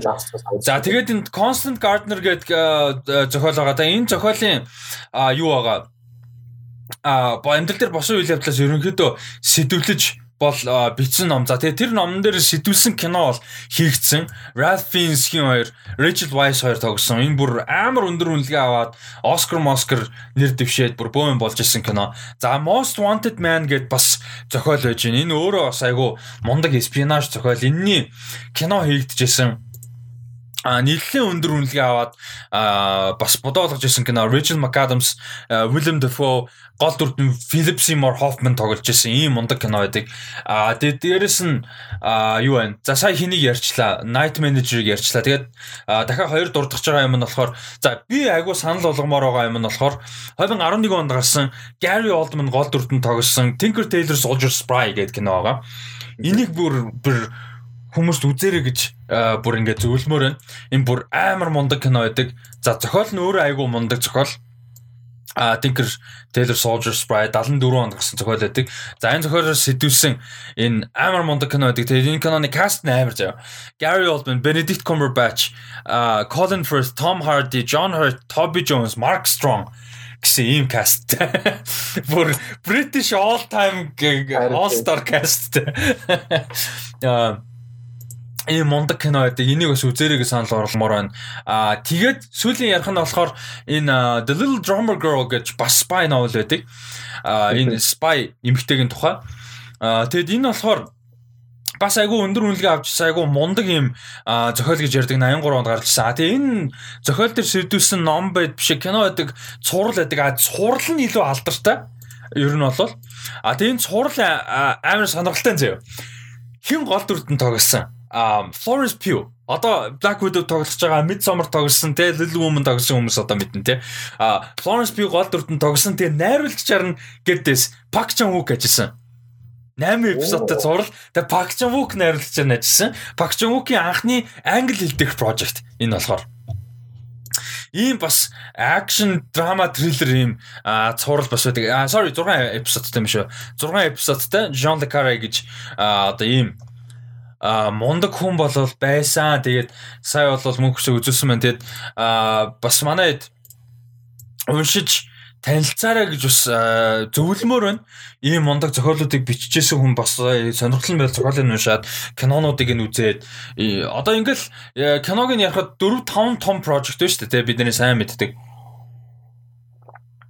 А тэгэхээр бас үзээрэй. Тэгээд одоо энэ дэлгэцэн дээр гарч байгаа аудиогоор сонсож байгаа хүмүүс яг хоо YouTube дээр а видеог нь юу ячихгүй? А энэ хэсгийг нь а гүйлгээ харчихгүй энэ Guardian дээр бас энэ хүний тухай энэ одоо насуусантай холбоотой бичсэн юм гоё нийтлэл байгаа. Бас энэ 2 3 гоё ярилцлага байлаа шүү. Энэ аюугүй гоё ярилцлага байлаа энэ би одоо хайлайт хийж энэ үзэж байгаа хүмүүс видеогоор үзэж байгаа хүмүүс харж байгаа энэ хоёр линк энэ хэдийг ингээд үзээд бас уншаад сонирхороо гэж зөвлөмөр байна.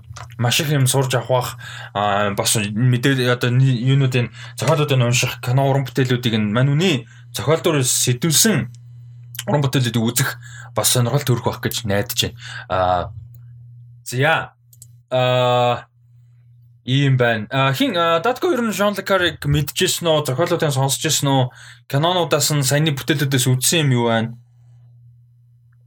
За кинонуудын би ихэнх нэг байхад яг нөгөө Gary Oldman-тэй Tinker Soldier Tinker Tailor Soldier Spy. Аа тийм тийм. Тэрийг үзчихсэн санагдчихээн би гэхдээ яг бүх хэсгийг санахгүй байна. Зарим нэг амар тухайн үед амар том кинонууд нэг гээд үзчихлээсэн. Тэгээд Зохиолчхон талаар бол яг багсаа бол мэднэ.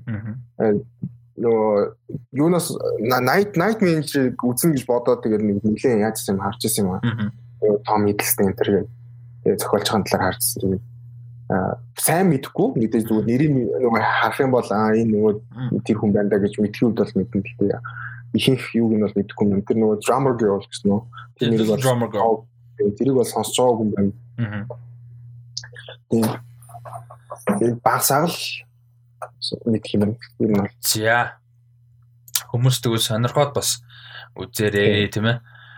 Аа энэ чи ямар мэдээ байлаа.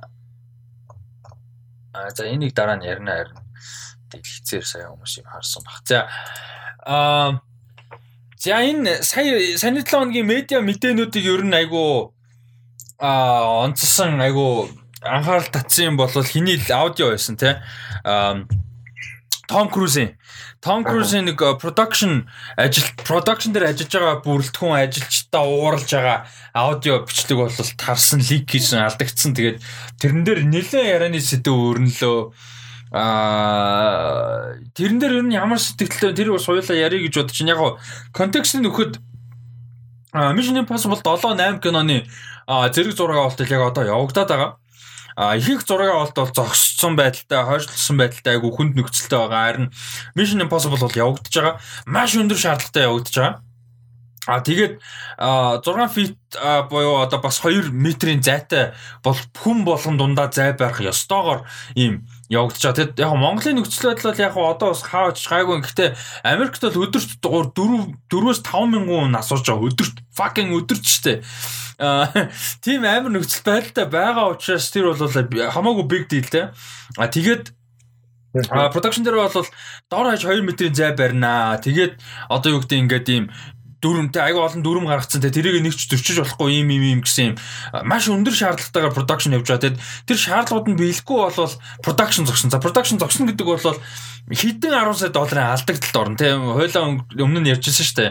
Том Круз нөр шагаагаа гимтэхэд амар олон 10 сая долларын те ингээд алдагдлалд орж исэн ингээд те production. А тэгэхээр энэ бол амар алдагдлалд орно олон мянган ажилгүй болно гэдэг чинь хэдэн 100 гараа те энэ чинь ийм том киноны production бол бүр хэдэн 100 хүн ажилдаг. А тэгээд энэ аудион дээр бол яг мань хүний ууралж байгаа юм нь бол яг тэгж байгаа. Бидний кинон дээр тэгээ манай кинон дээр хэдэн мянган хүний амьдрал хэдэн мянган хүний ажил одоо найдлагатай найдлагатай ингээд явж байна хамаарж байна тий. Би бүр ингээ fucking орой болгон хэдэн мянган студ хэдэн мянган даатгалын компанитай уцаар өдөр болго ярьж байна бид нар дээр бүхэл бүтэн индастри тий ингээд бид манай кинон дээр одоо ингэж одоо тогтож байна гэх юм уу да production дээр. Кинон дээр агуулга гэхээс илүү production ажил гэдэг утгаараа тогтож байна тий та нарын тэр хүмүүсийн тэр нэг 2 м зай барих хэвээр энэ тэр гэсэн дөрмийг зөрчсөн хүмүүсийг заагаад ах шиг байгаа байгаа тий. Чи чи хэлгээд байгаа тий. Та нар ингэм болвол you're fired тий. Дахиж ингэм болвол зүгээр халагдсан шүү гэл ингээл бүр уурлал ингээдсэн. Тэгээ энэ дээр ер нь ямар сэтгэлтэйс юу бодогдов ямар хандлагатай байна. Би бол өөрийнхөө сэрүүлгийн дууг тийм болгоч гэж бодлоо. Аа. Том Круз Том Круз наа ингээ өглөө болгоо ингээ цагийн сэрэх юм бол амар зоригтой болсон юм санагдаад байна. Наад бол тэр бол ялчгүй зүг санагдсан.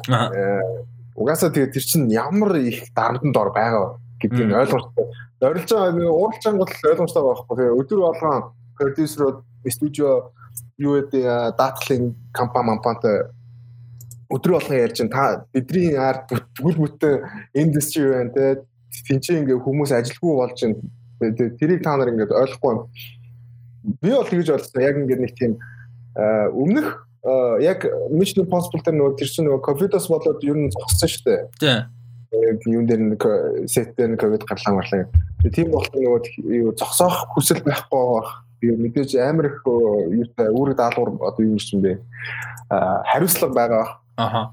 Би бол тэгээд яг ууралж байгааг нь бол яг надад бол амар зөв санагдсан. Нэг нэг тийм буруу бол юм бол байгаагүй.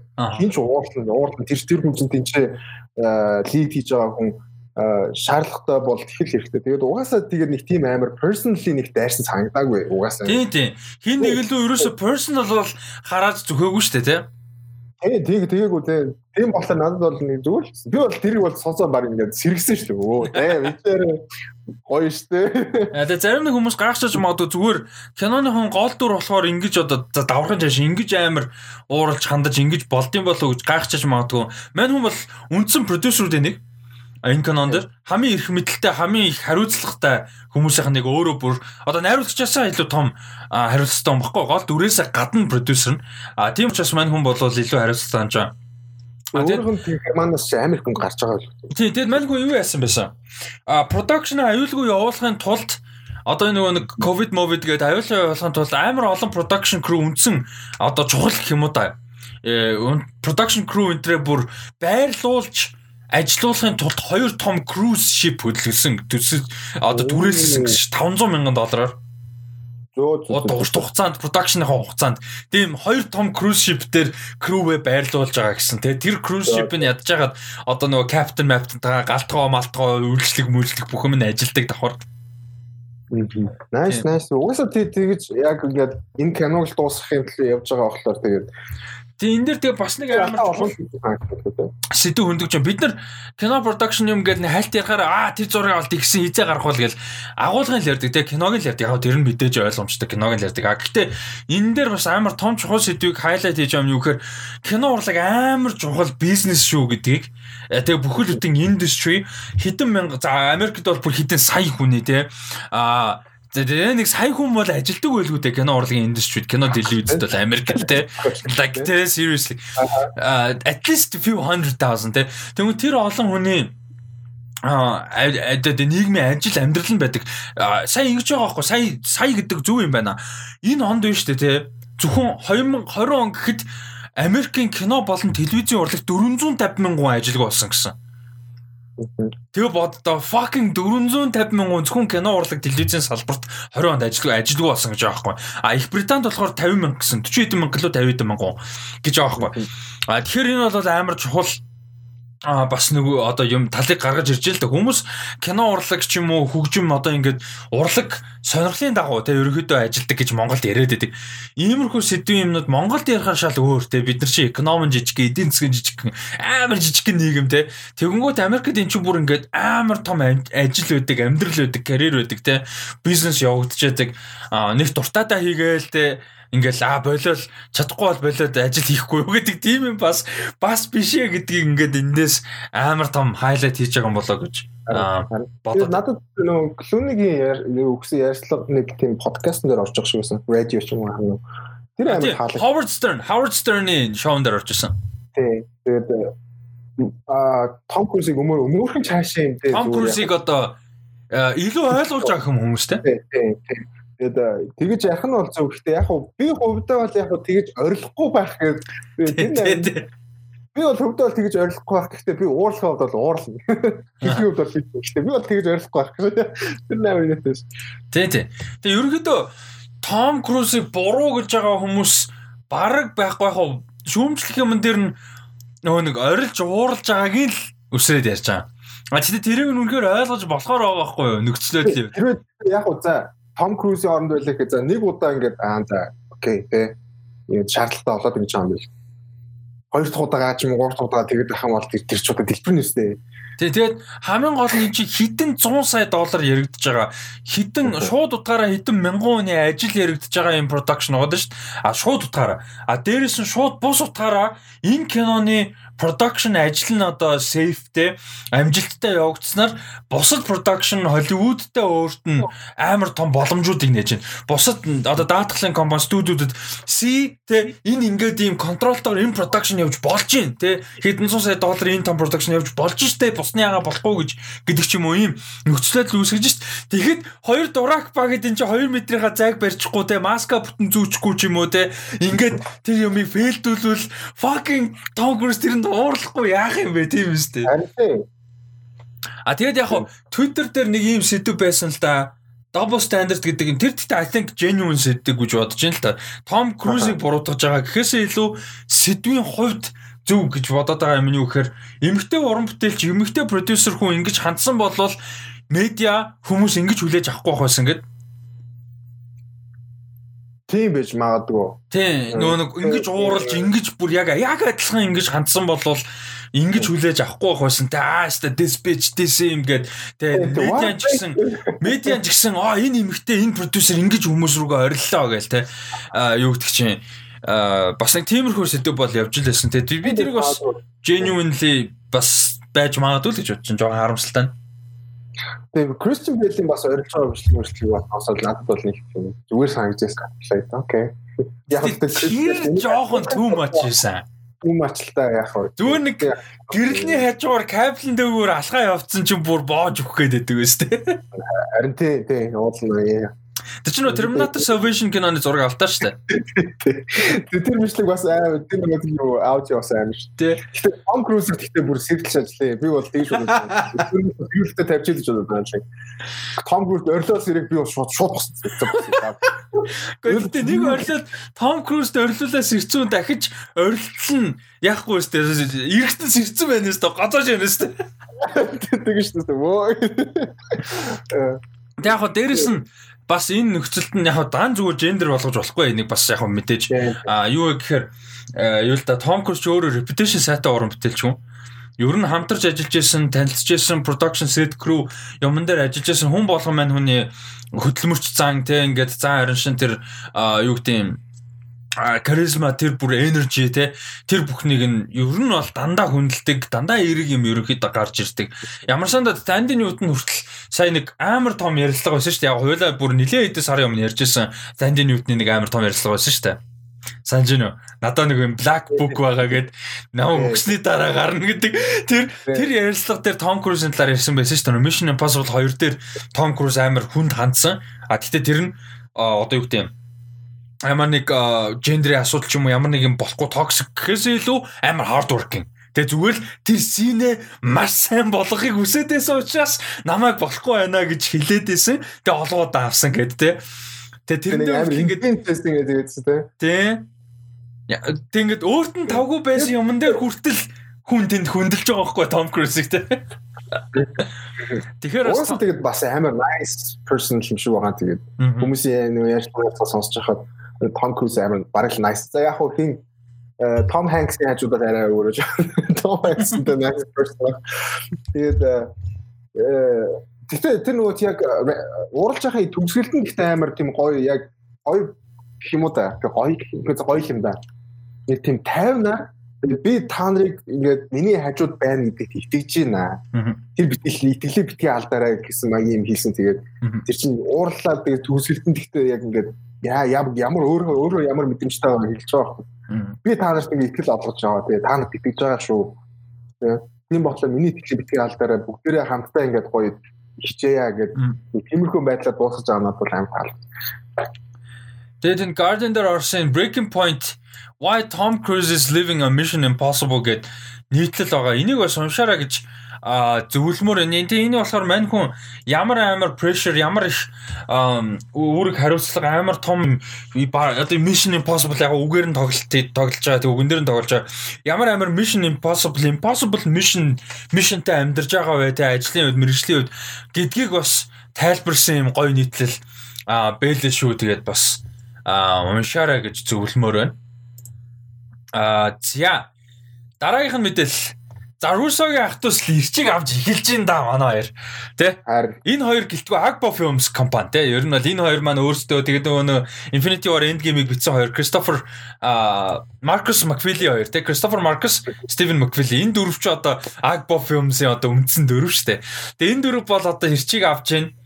А тэгээд энэ The Electric State гэдэг нэртэй а ийм sci-fi трейлерч гэх юм уу да одоо ийм киноны кино бол хийхээр болж байгаа маань. За тэгээ нөгөө нөгөө хоёр бол Кристофер Маркус, Стивен Макфилиор зохиолын бичин, Русогийн ах トゥ с өөрсдөө найруулсан. За харин гол дүрд нь Милли Бобби Браун а тоглохоор болж байгаа юм байна.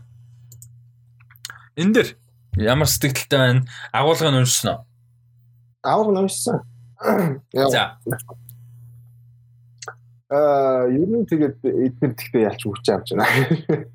Ер нь гоё байна. Би бол амар happy байна. Аа. Тэгээд Билли Милли Бобби Браун бас кино тоглоод яваад ч бас гоё.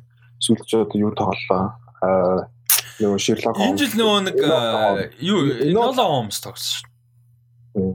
Тийм гоё шүү. Тэг өөр. Юу За extraction яг гэхдээ альбогоос гараагүй гэж санахгүй. Тэр энэ хоёр producer шүү дээ.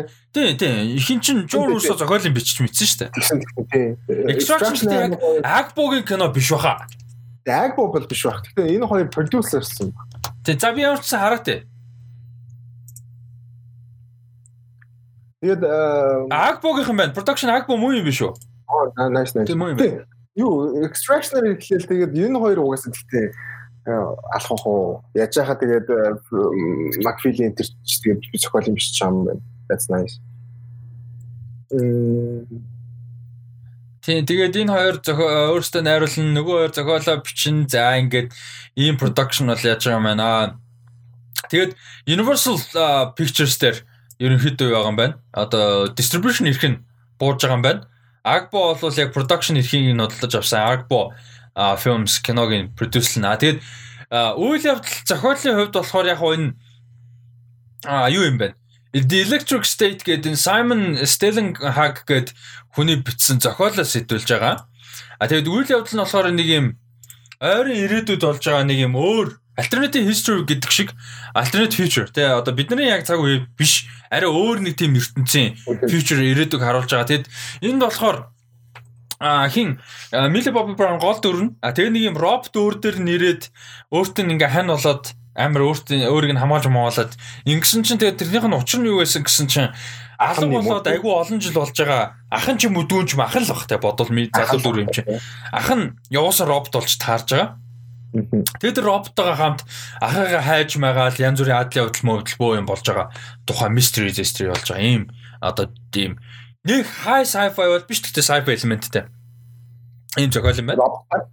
Тэгээ робот мобттэй.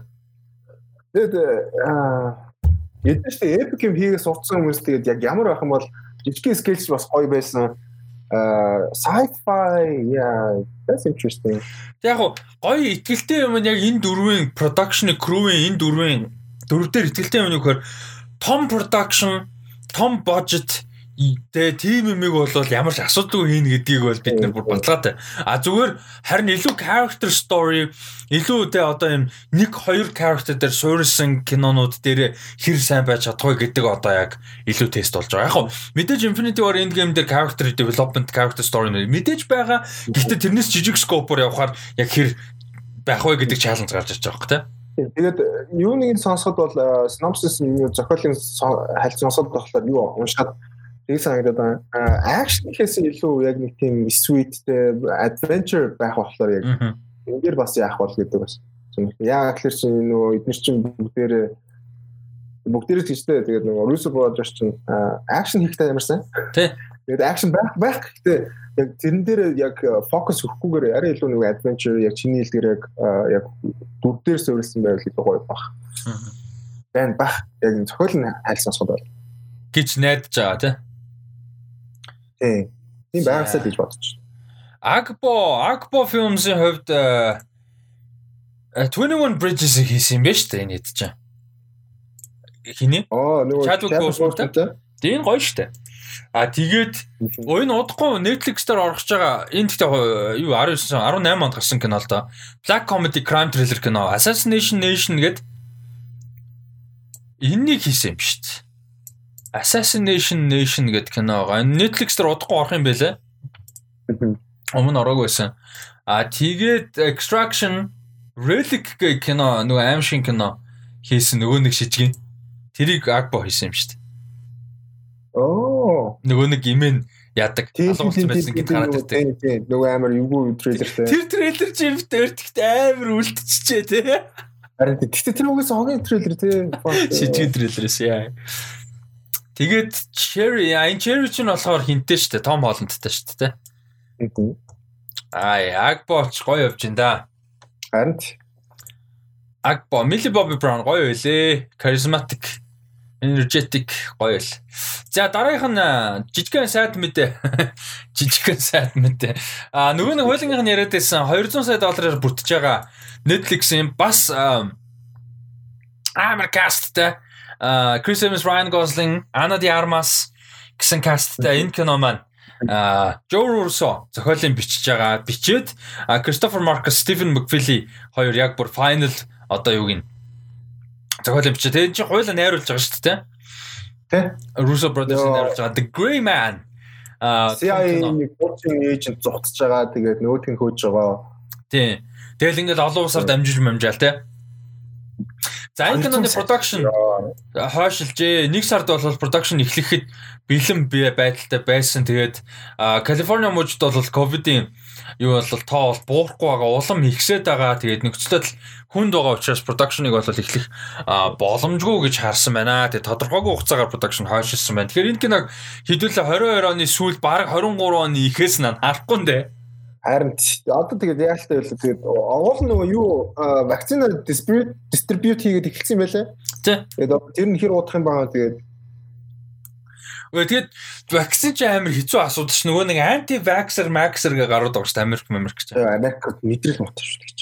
Тэдрийг харах оо гэдэг юм аа. Тэр нөгөө нэг юу яасан scientific study харсан чинь судлаа харсан чинь хүн амын ер нь аль аль улс ямар ч хүн амын нийт тоон хамаагүй зүгээр ер нь тодорхой хэмжээний хот ч юм уу суурин газрын эсвэл улсын ч юм уу те улс даяараа ч юм уу хүн амын 75% нь вакцины хил дасан төрсөн үнд ч те 16 стейжнаас нь хийх юм нь штэ энэ Pfizer-ыг Pfizer-ийн вакциныг бол бусдын яах юм ба.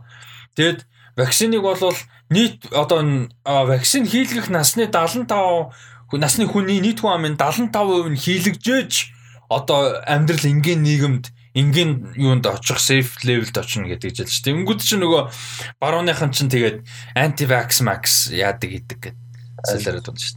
Мэдрэлтэй дуунууд гэсэн. Е. За харамсалтай байна. Энэ уулын өстө нэр миний хайртай жанр тэгээд Russo Brothers дээрэс нь 200 сая доллар тэгээ Ryan Gosling, Chris Evans, Anna de Armas бүр ингээд аа бүр яг төгсөн байсан баг. Би бүр Tenet-ийг ямар амар хайптай байсан гэж бодож байна. Анх чи бүр Christopher Nolan ингээ олон ус мос дамжсан юм ийм spy thriller юм кино ингээ би бүр аа гэж тэгчээс тэгсэн чи fucking ёо. And жоохон их сайс. Гэтэ хийц амар л та. Хийцэн үед л. Хийц амар. Үзэд бол гоё юм. Тий. Хийцтэй юм ярихгүй. Зүгээр зохиол дүүр мөр хөгжүүлэлт мангар. За. За нөгөө хойлоо ярьжсэн те юу яагаад эхэлсэн? Award season эхэлсэн.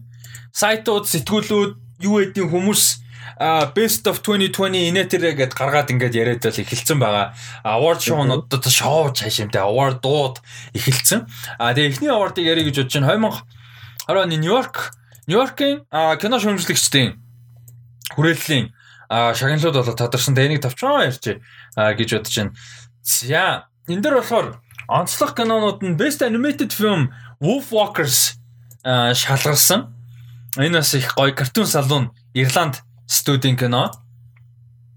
За шилдэг зохиолоор энэ энэ хонд ер нь нэг дурддахгүй өнгөрцөн гэхдээ бүр амар үнэлгээ аваад байгаа. Бүр энэ оны хамгийн шилдэг кинонд нэг гэж яриад байгаа. Never really sometimes always гэх кино байгаа. Драма кино. За энэ кино шилдэг зохиол шилдэг жүжигчин шагналуудыг хүртсэн байна. За тэгээ шилдэг туслах а жүжигчнэр болохоор Боратын охин охинд нь тогсон жүжигчин шилдэг туслах эмэгтэй жүжигчний дүрийг шагналыг авсан юм байна. А шилдэг туслах эрэгтэй жүжигчний болохоор Chadwick Boseman The Fire Bloods гэнээр авсан байна. Rest in Peace Chadwick Boseman тэгээ мань хүний сүүлийн тогсон кино Netflix дээр яг одоо орсон байгаа. Ma Rainey's Black Bottom гэх кино орсон байгаа. Тэгээ би бас өнөөдөр подкаста дуусчаад ядархгүй бол үзье гэж бодож байна. Нойр өрөхгүй болол тэгээ болохгүй бол маргааш үзэх байх. А хин Датко The Five Bloods-ыг үзсэн тий? Үзээгөө. А үзээгөө. Үзээгөө комеди нэг ялчих. Окей. За энэ Never Really Sometimes Always-ыг бол заавал үзэх ёстой гэдэг. Энэ жилийн бүр амар одоо том өндөр үнэлгээтэй мундаг явж байгаа юм кинод энийг байгаа. 205 ревювээс 99% та явж байна. А тэгэд нэг юм зөвлөгөө шүү дээ. 200 хэдэн билээ review-ээс Leave No Trace 100% та байдсан шүү. Leave No Trace үзээрэй. А за тэгээд а шилдэг гол дүрм жүжигчнэр Delroy Lindo а юг The Five Bloods киногоор шалгарсан. Тэгэд энэ бас яг гоё жүжигчин шүү дээ. Ер нь айгүй олон жил явж байгаа хүн болгон хараад мэдэндээ а олон кино тоглосон. Чи одоо хэдэн оноос карьер нэгсэн? 70-аад оноос карьер нэгсэн. Бас мундаг жүжигчин.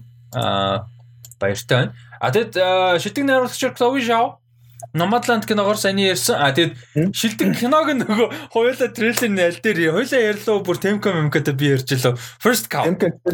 Тийм, First Cow гэх кино байгаа. A24 амар инээдтэй нөгөө нэг юун дээр а бүр 1820-ад оны үед Америкт нэм юу яаж байгаа үхэр үнэ үнэ авчирж байгаа тох.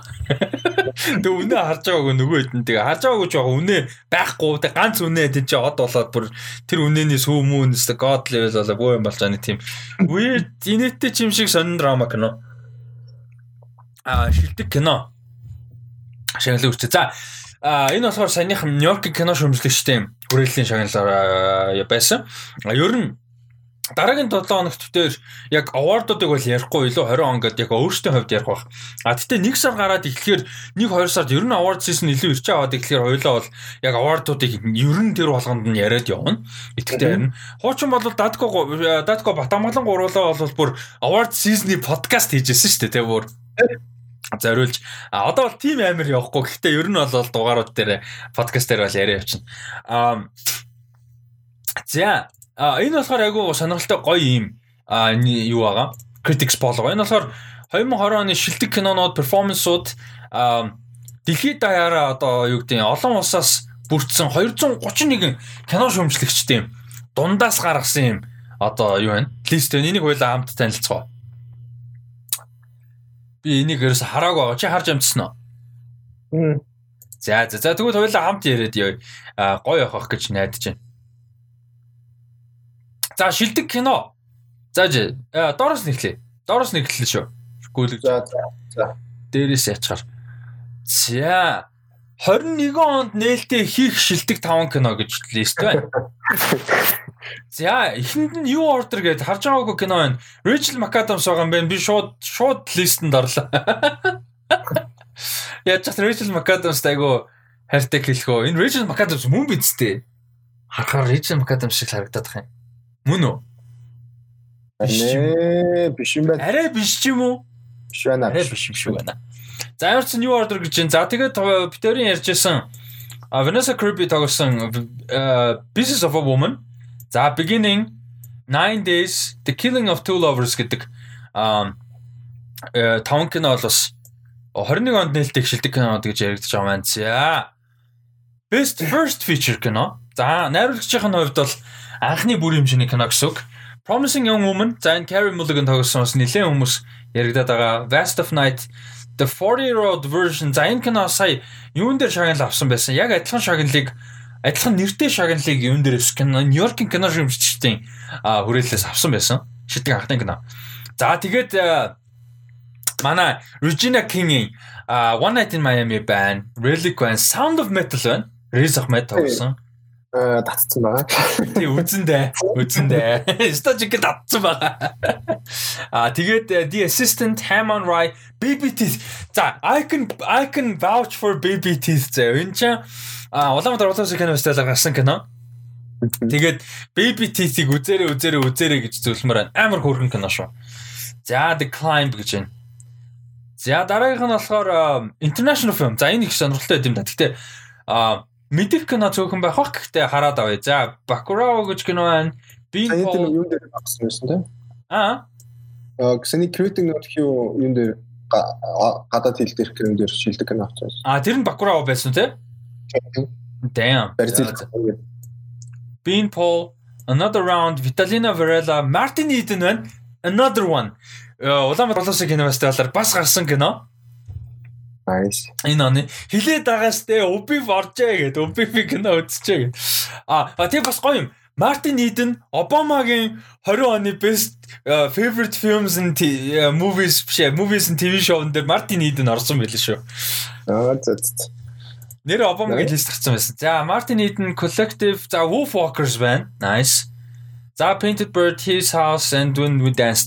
За энэ ч нэс ер нь энэ кинонуудыг одоохондоо хараад мэдгүй байгаа ч гэсэн одоо award season ер нь ингээд идэвхтэй яваад ирэхээр э, байн байн харагдах бах тий.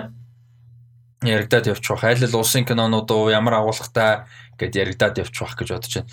За энэ болохоор шилдэг зохиол гэдэг дээр I'm thinking of ending things Нэгт орсон. Энийг бас үзсэн байна. Йоо, Netflix дээр үзэх юм уу? Netflix энэ ч бас Netflix үзээгүй байгаа.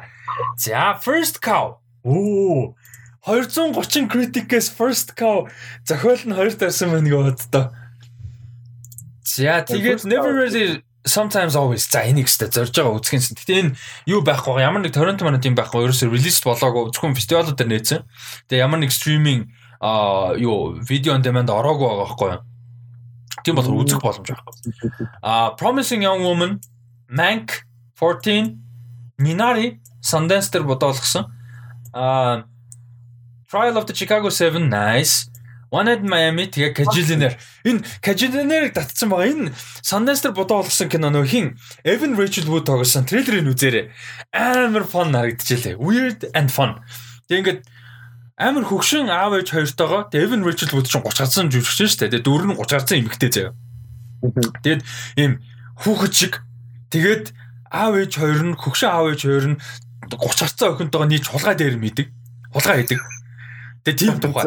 Аа тийм тийм кино.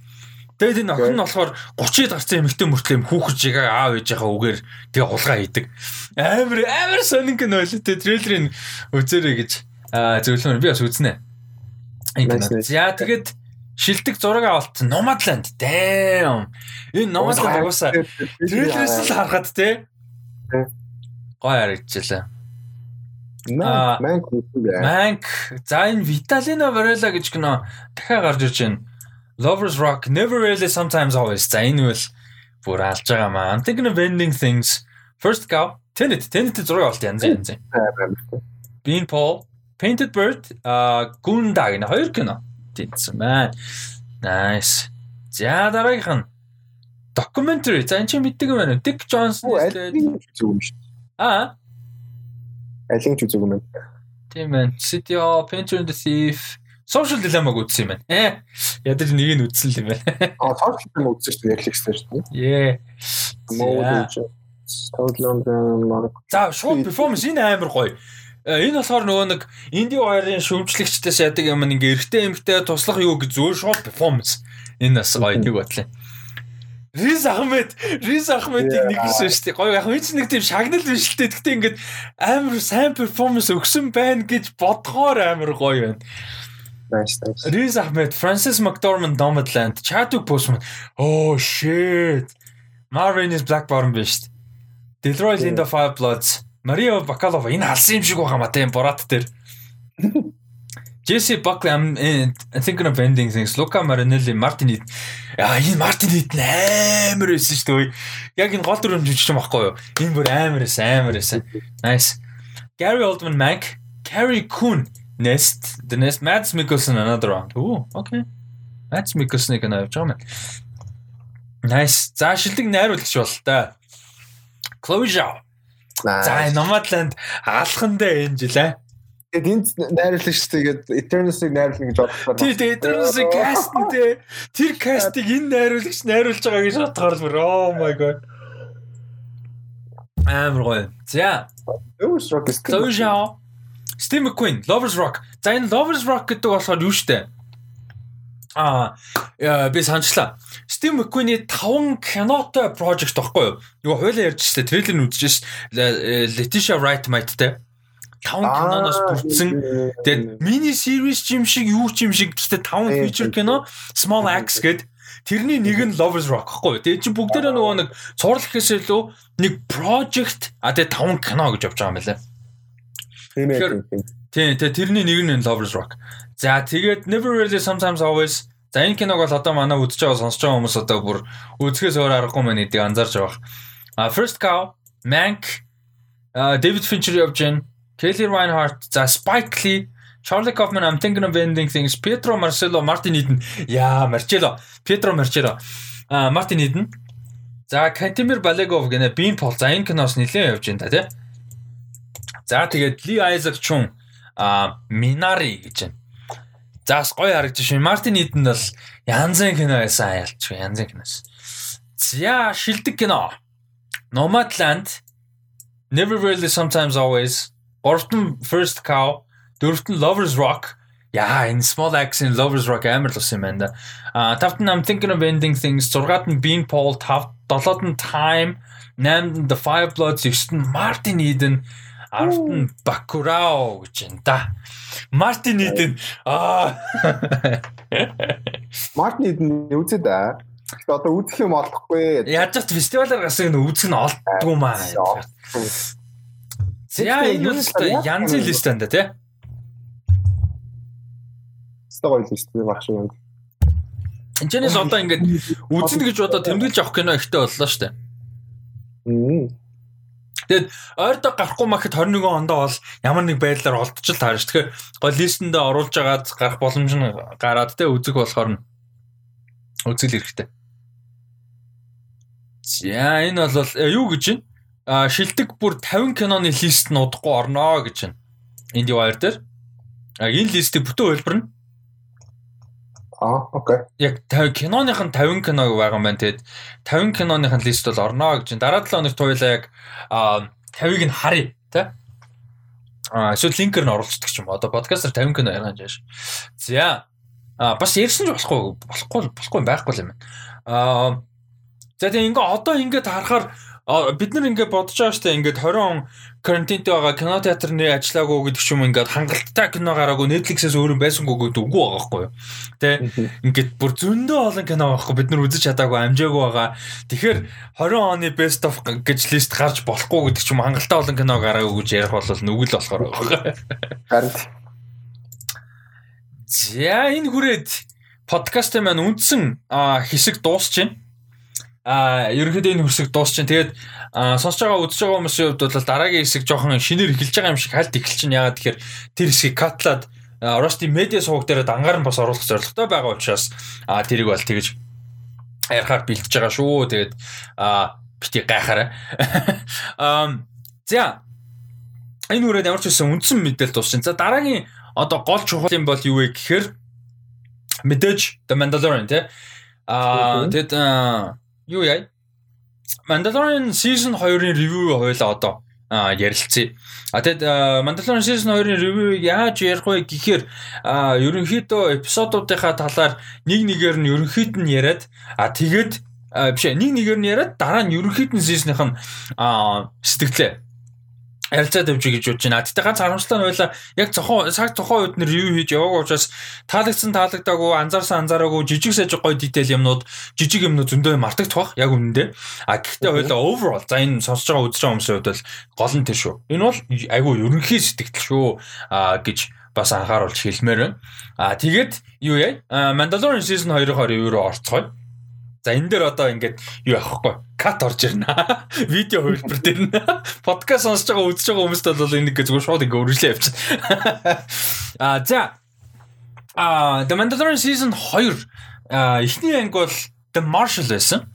За The Marshal дээр болохоор Timothy Olyphant гэж жүжигчин юугаар орж ирсэн.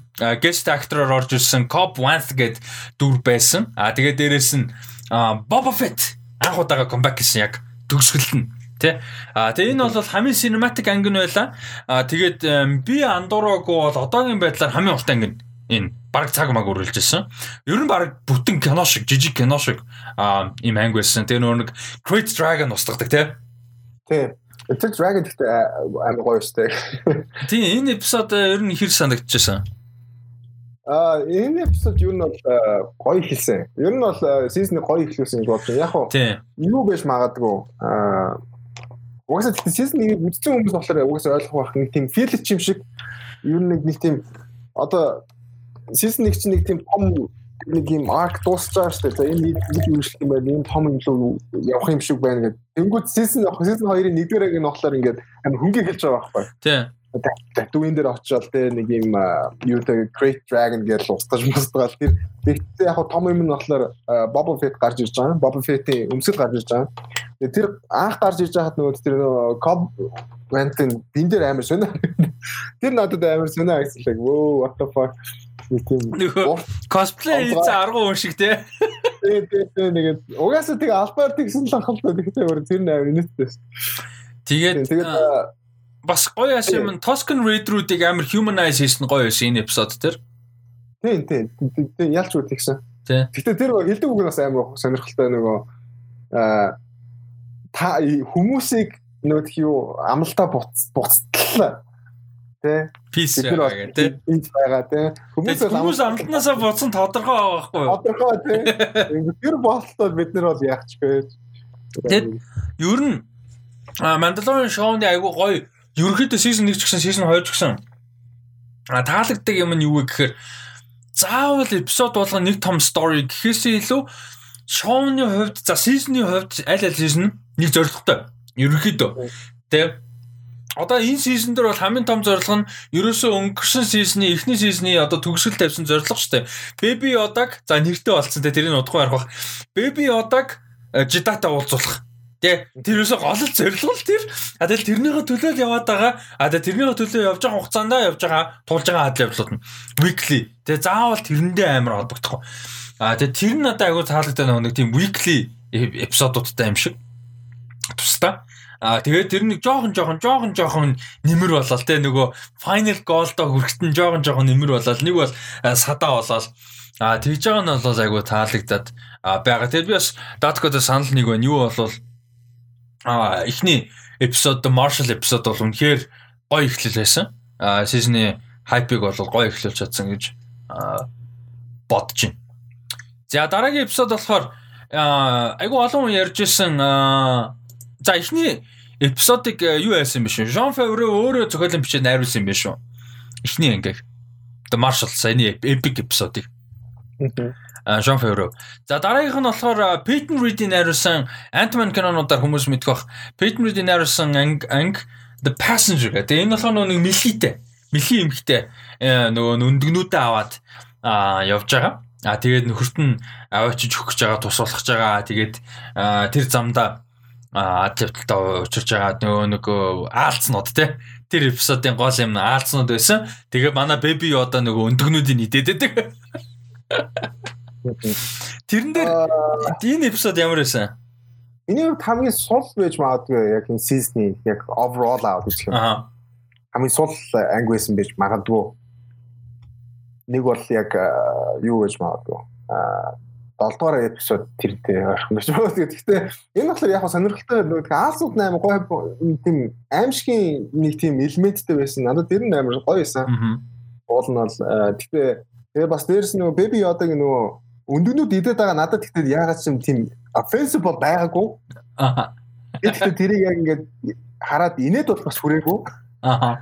Яагаад за идж байгаа нь нэг тийм cute ч юм шиг нэг тийм инээд минж байгаа ч юм шиг нэг тиймэрхүү vibe-тай хийцэн байсан. Тэгээд тэгтээ надад бол яг тэр vibe нь бол наалдаагүй инээд дол хүрээгүй тэгээд оо яасан cute like wow тийм хүн болоо. Тэгсэн мөртлөө нэг тийм offended бол биш нэг тийм genocide нэг хүмүүс нэг genocide болоо. Надад бол нэг тийм бол нэг санагдаагүй. Аа is fine I guess like инээд ми байлгах гэдэг чийсэн юм шиг байна. That's it. Тэгээд угаасаа baby baby яра the child угаасаа хөөрхөн, эзэд хөөрхөн. Боо ижсэн ч хөөрхөн юм болохоор тэгээд яг нөө сетап нь тэр чинь ингээ бүр одоо race-ийн сүүлийн family юуных нь line-ийн сүүлийнх гэдэг байгаа шүү дээ. Тийм болохоор л нөгөө тэрийг нь идээд байгаа хөнгөд үзэж байгаа хүмүүс come on what the fuck би одоо гэдэг байхгүй. Яг хоо дараагийн анги дээр ярих бах. Гэтэ тэн тэнцээс бас нэг жоох өөр чиглэл үүссэн юм аа. Тэгээд юу энэ яг нь сул нөө дэндүү филлер анги байсан санагдаад байгаа байхгүй юу? Бас нэг тодорхой хэмжээнд энэ чинь яг хоёрдугаар анги тэгээ гуравдугаар ангийн хооронд л байгаа яг нэг тийм анги. Нэг тийм их чухал юм байхгүй гэх юм уу? Аа. Яг л тийм л анги санагдсан ялч. Тэгээд филлер гэхээсээ илүү нэг тийм эпизод нэг тийм зүгээр л weekly adventure те. Тийм. Тийм нэг weekly adventure яваад байгаа юм л та. Тэгэд э, шоуны формат нь өөрөө бас тэрэндээ таарад байдаг болохоор. Тэгэд яг тэр эпизод надаа нэг тийм амар week бол санагдаагүй. Ер нь бол нэг тийм амар bothered бол болоогүй зарим хүмүүс шиг. Аа гэхдээ яг яалтчгүй илүү сул эпизод байсан гэдэгт санал нэг байна. Ээ яг бүр тийм амар энэ уутын авахгүй энэ цэвэрхэн байж. Den the child гэж байгаа шүү дээ. The child. Яа хөөрхөн. Энийгээ тэгээ нөгөө нэг дарддаг нь мангар хөөрхөнтэй. Тэ нөгөө тэгээ дараа нууц нэг тэгээ. Тэгээд яг би зөвхөн тэгж бодоод байгаа байхгүй. яг 3 дугаар анги дээр яг тэр энэ одоо сторигийн төгсгөлийг тавьчихж байгаа шүү дээ. Аа. Яг төгсгөл яг үргэлжлэл нь үргэлжлэл байсан юм байл. Гэтэл би зүгээр яагаад тэгээ дуусч болоогүй бол гэж бодлоо. Юу мөрсөн бэ? Яг нөгөө гариг дээр очоод тэгээ дараагийн анги нь үргэлжлэх чинь. Энд дээр болохоор тэхгүй зүгээр яг нөгөө ааснуудаа тулдж байгаа л нисэл тэгээ дууссан. Тэгэхээр яг яг төгсгөлтэй юм байна л да ааснуудаа тулдаад дууссан. Тий. Тэгээд дараагийн анги дээр яг энэ story-г илүү үргэлжилж байгаа тийм. Тий, тий. Аа. Дараагийн анги болохоор The Harris гэж байгаа. За энэ болохоор бас үзэгчдийн хувьд бол айгүй big deal а эпизод байсан. За тэр нь бол а хин Bo-Katan гарсан. А ер нь Clone Wars дээр за Rebels дээр бас халтгаардаг бас нэлээд тийм чухал дөр. Mandalore-тай, Mandalore гарагтай, Mandalore үндэстэнтэй айгуу холбоотой юм чухал төр а болол гарсан байгаа. Тэгээд энэ эпизод бол акшн ихтэй. Гоё акшнтай. Амар кул акшнтай. Ер нь Mandalorian-уудын акшн айгуу гоё байсан. Тэр тэр нэг Baby Yoda тэр нэг нөгөө нэг юу шиг краб шиг alien гарууд аваад тэр нөгөө юу руу оруулчихсан шүү дээ. Нэг тийм амар амтан өнгөчдөн шүү дээ. Энэнтэй нь хамт. Тэрэн дээр би what the fuck амар зэнсэн шүү дээ. Би бүр гайхсан. Үгүй ингээд авцсан гэж баймаар юу вэ? Тэгтээ зүгээр мэдвч гарав тэгээд беби одоо галцсан бол яах вэ? Зүгээр өчрөө тэгээ үхэж. Юу үхэж? Амар юм хэмжсэн тэгээ үхэж. Харин тийм тэгвэл интернетийг бослого зарлах байлгүй дээ. Харин тийм ёо тэгтээ тийм бүр бүр үнэ кодлаад үттэй. Тийм бүр мангар гинттэй шууд. Харин тийм бүр тийм бүр амарс Тэр бол зүгээр яг зүрх гарчихсан. Өө хөө. Тэр ч амар хийсэн байсан шүү. Богтан гарч ирээд тэгээд oh my god. Аа. Богтан гарсан шүү дээ. Тий, тий. Тэгээ Богтан тэгээд нөгөө Богтаны энэ хтүүд нь хамт гарч ирээд тэгээ ерөөхдөө аварж байгаа. Тэгээ энэ дээр бас айгүй том Мандогийн ухаарсан юм нь юу вэ гэхээр мани мань хүний нөгөө дагаад байдаг хууль дүрмтэй Mandalorian-ы хуваар дагаад байдаг дүрм хууль нь биш юм байна. Mandalore гаргийнхан Mandalorian-ууд одоо яг тэгдгүү мэн те бүгд тэгдгүү байна. Мань хүний дагаад байсан тэр бол яг цөөхөн хідэн одоо мандалорчууд тэгээ өөрсдийнхөө нэг тийм хууль дүрмийг үүсгээд дагаад яваад исэн гарууд л байсан байна гэдгийг бол яасан шүү дээ ойлгосон. Side of the watch гэдэг үстэй. Тий, тий. Watch гэдэг хүн юунууд нэг тийм faction ах шиг байна. Тэгээд тэднийх нь яг өөрсдөө юу хаа creed гэдэг дээ. Тий. Тэгээд энэ дээр нөгөө бас тэгээд нөгөө name drop хийсэн тэгээд Asaka Tano гэдэг. Тий, Asaka Tano дээр очоо гээд байгаа. Тэгээ Jedi хайжсэн. Тэгээ тэр нь бол Ahsoka Tano гэдэг. Тэгээд хинт бол би яг нөгөө видео гейм адлавталтай RPG юм нэг юм видео гейм тоглодог хүмүүс бол угаасаа мэдэн дээ ингээд нэг мишин хийхгүй тэглээ тэрийг хийгээд тэр тэр заавал тэрийг хийчихэж үзэн байж амар ятгаа. Тэр шиг сайн тэгж байгаа байхгүй. Зөв fucking tell me where Ahsoka Tano is гэсэн чинь first help me. Арилаа. Тэгээд нөгөө юу аа Тэгээ Богтаны дүр яг ямар зорилготой тэнцээ байгаа гэдэг нь амар ойлгосон. Моф Гигийн хаанаага талаар асууж масуугаад тэгээд ярилцаад ер нь бол ер бол ойлгомжтой болоо. Тэгээд нөгөө нэг season-ийн төгсөлд гардаг нэг Dark Saber те Dark Saber авах гээд байгаа. Тэгээд Dark Saber авчих бол Mandalore дээр очих боломжтой. Mandalore ер нь Mandalore-ыг үдирдэн гэсэн нийтийн зорилготой явна шүү. Тий, тий, гол зорилго те. Юу үдсэн хүмүүс сайн мэдэндээ одоо Rebels Тэнгүүтээ Clone Wars-ыг үзэх юм бол Bo-Katan ямар яг ямар дүр ямар учиртай гэдэг нь бол амар ойлгомжтой байна. Үзсэн хүмүүс нь бол амар гоё. Би нөө үздэг болохоор тэгээд яг гарч ирэхэд бүр яг үхчихсэн. Яаж хаад нөгөө хин аа дуурсан жүжигч нь өөрөө штэ. Өөрөө тийм нөгөө хин блээ дээ. Ямар Katie Sackhoff. Katie Tin Katie Sackhoff тийм. Тэгээд тэр өөрөө байсан бүр амар гоё байсан. Тэгээд бас нөгөө энэ анги дээр бас нэг юм гарсан нөгөө chest plate энэ төр гэдэг нэг лайтад. Тэгээ надад бол тэр нэг нэг асуудал байгаагүй. Аа. Тэгээ энэ эпизодыг Тэгээ энэ эпизодыг хин найруулсан? Bryce Dallas Howard найруулсан. Бас дунд авгүй гой найруулсан байна. Акшн гэсэн. Гой ангиуд нэг ялч бас. Миний За дараагийн анги болохоор бас их гоё анги. Акшн ихтэй ер нь бас яг уу дахиад нөгөө нэг Adventure of the Week маяг л та. Оо бас л нэг өөр тийш яваа. Бас л нэг юм. А? Энэ хамгийн гоё акшнтай хэсгүүдийн нэг байсан аа миний. Дараагийн анги. Тийм тийм одоо нөгөө Siege гэдэг. Тийм, The Siege. Энэ болохоор Carl Weathers найруулсан. Нөгөө Dylan you son of a bitch гэдэг чинь шүү дээ. Нөгөө фат хин Schwarzenegger энэ хоёр нөгөө Predator дээр гар өрдсөн амар back. Тэгээ манай хүн чинь нөгөө юу үстэй? Apollo Apollo Apollo Creed штэ. Тэ. Carl Weathers гоё. Carl Weathers гэхдээ Mandalorian-ийн бүр нэг тийм гоё дүртэй. Griff Carga гарч ирэх болгонд гоё харагдана. А тэгээд юу штэ? Энэ эпизод дээр Griff Carga өөрөө гарч ирдэг те. Өөрөө гарч ирдэг. Тэгээ энэ дэр нөгөө нэг Yoda-г эргэлүүлдэг мангар хөөрхөнд аа наашир гэнэ Yoda-г австай ингээ baby Yoda-г аваа яваад идэг. Мангар хөөрхөн те. Тэр амар хөөрхөн. Тэгээд юу нэ baby Yoda нөгөө хичээл гэх юм уу нөгөө хүүхдүүдэд сууж байгаа нөгөө юу гарч ирдэг амар нийтээсэн. Нөгөө тэр чи юу гэдэг үлээ Оо тэр бичээнийг чи юу гэдэг вүлээ? Oreo юу? Oreo биш ээ. Аа fuck бин барцчлаа. За яг за тэрийг тэр тэр тэрний дараа нөгөө тэр хүүхдүүд амар их тэрийг макарон тийм макарон. Аа макарон тийм. Тэрийг идэнэ гэж амар их яасан гэсэн. Тийм.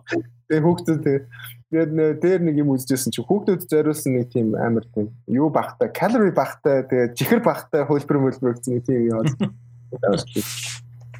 Йода тэрэн дээр чи манай юун дээр хичээл цаа онгоотой хүүхдийн идчихсэн чигрийг force force татаж аваа идэж. Тэ тэ тэр амар юм. Тэгээд тэр нөгөө бас нэг жок яваадсан хамгаалтдаг юм rail байдгүй юм нөгөө гэх юм rail байдгүй юм гэж яриад байдаг. За. Яг нөгөө Star Wars-ын бүх юм нэг хамгаалтгүй ингээд нэг нарийн юм алхах замтай. Тий, тий, тий, тий, дандаа тийм. Тий, тэгснээр тэр нөгөө нэг юм нэг дүр байдэн штэ. Нөгөө заагс чим шиг. Тийм билээ тий. Тий, тий нөгөө нэг цэнхэр. Тий, тий, тий, тий, тэгснээр наад наадхаа очиод нөгөө юунууд нутраагаах гээд хамгаалт. Аа, тий, тий, тий, тий, тий. Энэ яагаад хам нөө хандл байхгүй хаалтгүй юм бэ гэдэг. Хаалтгүй юм бэ. Нөө жок жокийг нэ. Тэр угаасаа self aware те. Юу нэг тийм жокнууд байд юм шиг байгаа нөгөө хамгаалт байдгүй те. Яагаад ийм юм нөгөө дундуур нь явсан нөгөө одоо юу мө хүртэл ингээд хамгаалтгүй нэг эвгүй доош унахад хаалтгүй нэг тийм байдэн шүү дээ. Яагаад ийм гайхан тэр аав нийтэйсэн. Тэгээд энэ анги бас нэг сонирхолтой юм нөгөө клон хийцэн байсан. А тий тий. Туршилт хийцэн. Тий. Тэгээд тэрийг хараад нөгөө хамгийн түрүүнд бодсон юм яалч нөгөө хин байсан нөгөө а манай трилежигийн нөгөө хэсэг дүр чинь билээ эхний хоёр ангийн. А? Нөгөө эхний хоёр ангийн нэг вилн байдсан шүү дээ. Нөгөө манай хин очоод алцдаг. Oh shit. Бен бен очоод. Аа, юунд Jedi дээр алдаг уу? Тийм тийм тийм тийм. Аа, тийм хин харин тэр яг rumor яригадаад байгаа нөх хин байж магадгүй гээд um oh shit. Emperor л биш. Emperor биш ээ нөгөө нэг Andy Serkis дуу оруулсан. Тийм Andy Serkis. Э яа тэрний нэрийг одоо мартаж энэ яа өөр тийм тийм Тэр байж би би яг шууд бодохдоо яг ялч тэр санаанд орж ирсэн. Тэг клонтэд Yoda-гийн Baby Yoda-гийн цусыг ашиглаад M count яриад байгаа. Тэр нөгөө midichlorian high midichlorian countтай цус хэрэгтэй гэд. Тэгээд Baby Yoda-гийн цусыг ашиглаж клонууд хийгээд байгаа байхгүй. Тэр клон яг confirmed болоогүй одоо хүртэл. За confirmed болоогүй дууссан. Тэгээд а fucking дүрчин хэм блэ? А Snoke. Тийм Snoke. Supreme Leader Snoke. Ээ чаас тэгээ тэр чинь явж явж Palpatine болж таарс. Тэгээд Тэгээд аа лабораторийг харсан надад зүгээр тэр амар санаанд орсон. Аа. Тэгээд яг гоо зүгээр тийм холбоотой байж болох юм гэж бодсон. Тэгээд яалч уу тэгээд confirm хийгээгүй болохоор одоо яалт байлаа. Харин season 3 дээр тэр гарах уу тэгээ Moff Gideon за за төгсөлтний яриа. Гэхдээ Эргэлзээтэй. За энэ бол Карл Ведерсийн найруулсан эпизод байсан их гоё эпизод байсан. Тэр нөгөө яадаг штэ хөөцөлдөг хэсэг үлдэн ш байсан штэ. Тэр хэсэг аим гоё. Тийм. Нөгөө нэг дээрэс бүр ингээ нөгөө нэг спидрүүд үүдэн штэ Stormtrooper-ийн Тэд нартайгаа ингээд хөөдөг бүр амар гойс. Тэр амар гойс. Амар гоё акшн хэсгүүдтэй амар гоё. Бас гоё юм шээ.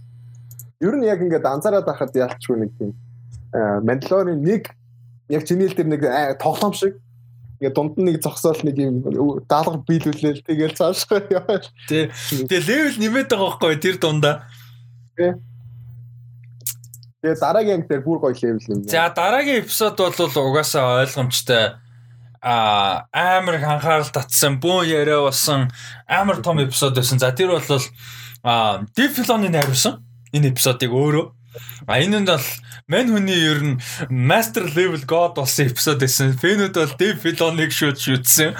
А тэгээд а The Jedi Тэ? Тэгээ Jedi дээр бол Ahsoka танаа шууд ихс. Тэр бүр хоол ишэд би бүр тэгж эхлэн гэж бодож амар явж байгаа л амар манай он таарч мар шууд Ahsoka танаагаар эхэлчихдэг дэс бүр. Тэр opening action sequence sequence бүр cool as fuck байсан бүр. Йоо. It was so fucking би бүр зүгээр л Devlon-ы зүгээр шүтяал гэсэн. Уусаа өөрөлдөө. Тэгээд нөгөө нэг юм цагаан лайтсейбер анхудаага лайв акшнаар харсан ч ямар кул юм бэ те. Тэгээд энэ ангийн зураглал ямар кул байсан. Амар амар. Йоо галзуу байсан. Ер нь яг энэ season 2-ын бүр хамгийн гоё зурагтай анги ялч бол. Яа. Яаж яагаад нөгөө энэ нэг мист гэх юм уу тийм манан манан дунд нөгөө хоёр нөгөө цагаан лаг сейбер энэ ямар ч кул харагддаг. Аймаг гоё ангис. Тэгээд storage гэсэн гоё байсан тий. Тэр нөгөө хотыг эзэлсэн эмхтэй байгаад байгаа тий. Тэгээд тэрийг ерөөхдөө хойлоо бол одоо яах гээд тэр хотыг чөлөөлөх гээд Асока Таногийн хоёр нийлж байгаа. Аманд хоёр. Ерөөхдөө яг long story short.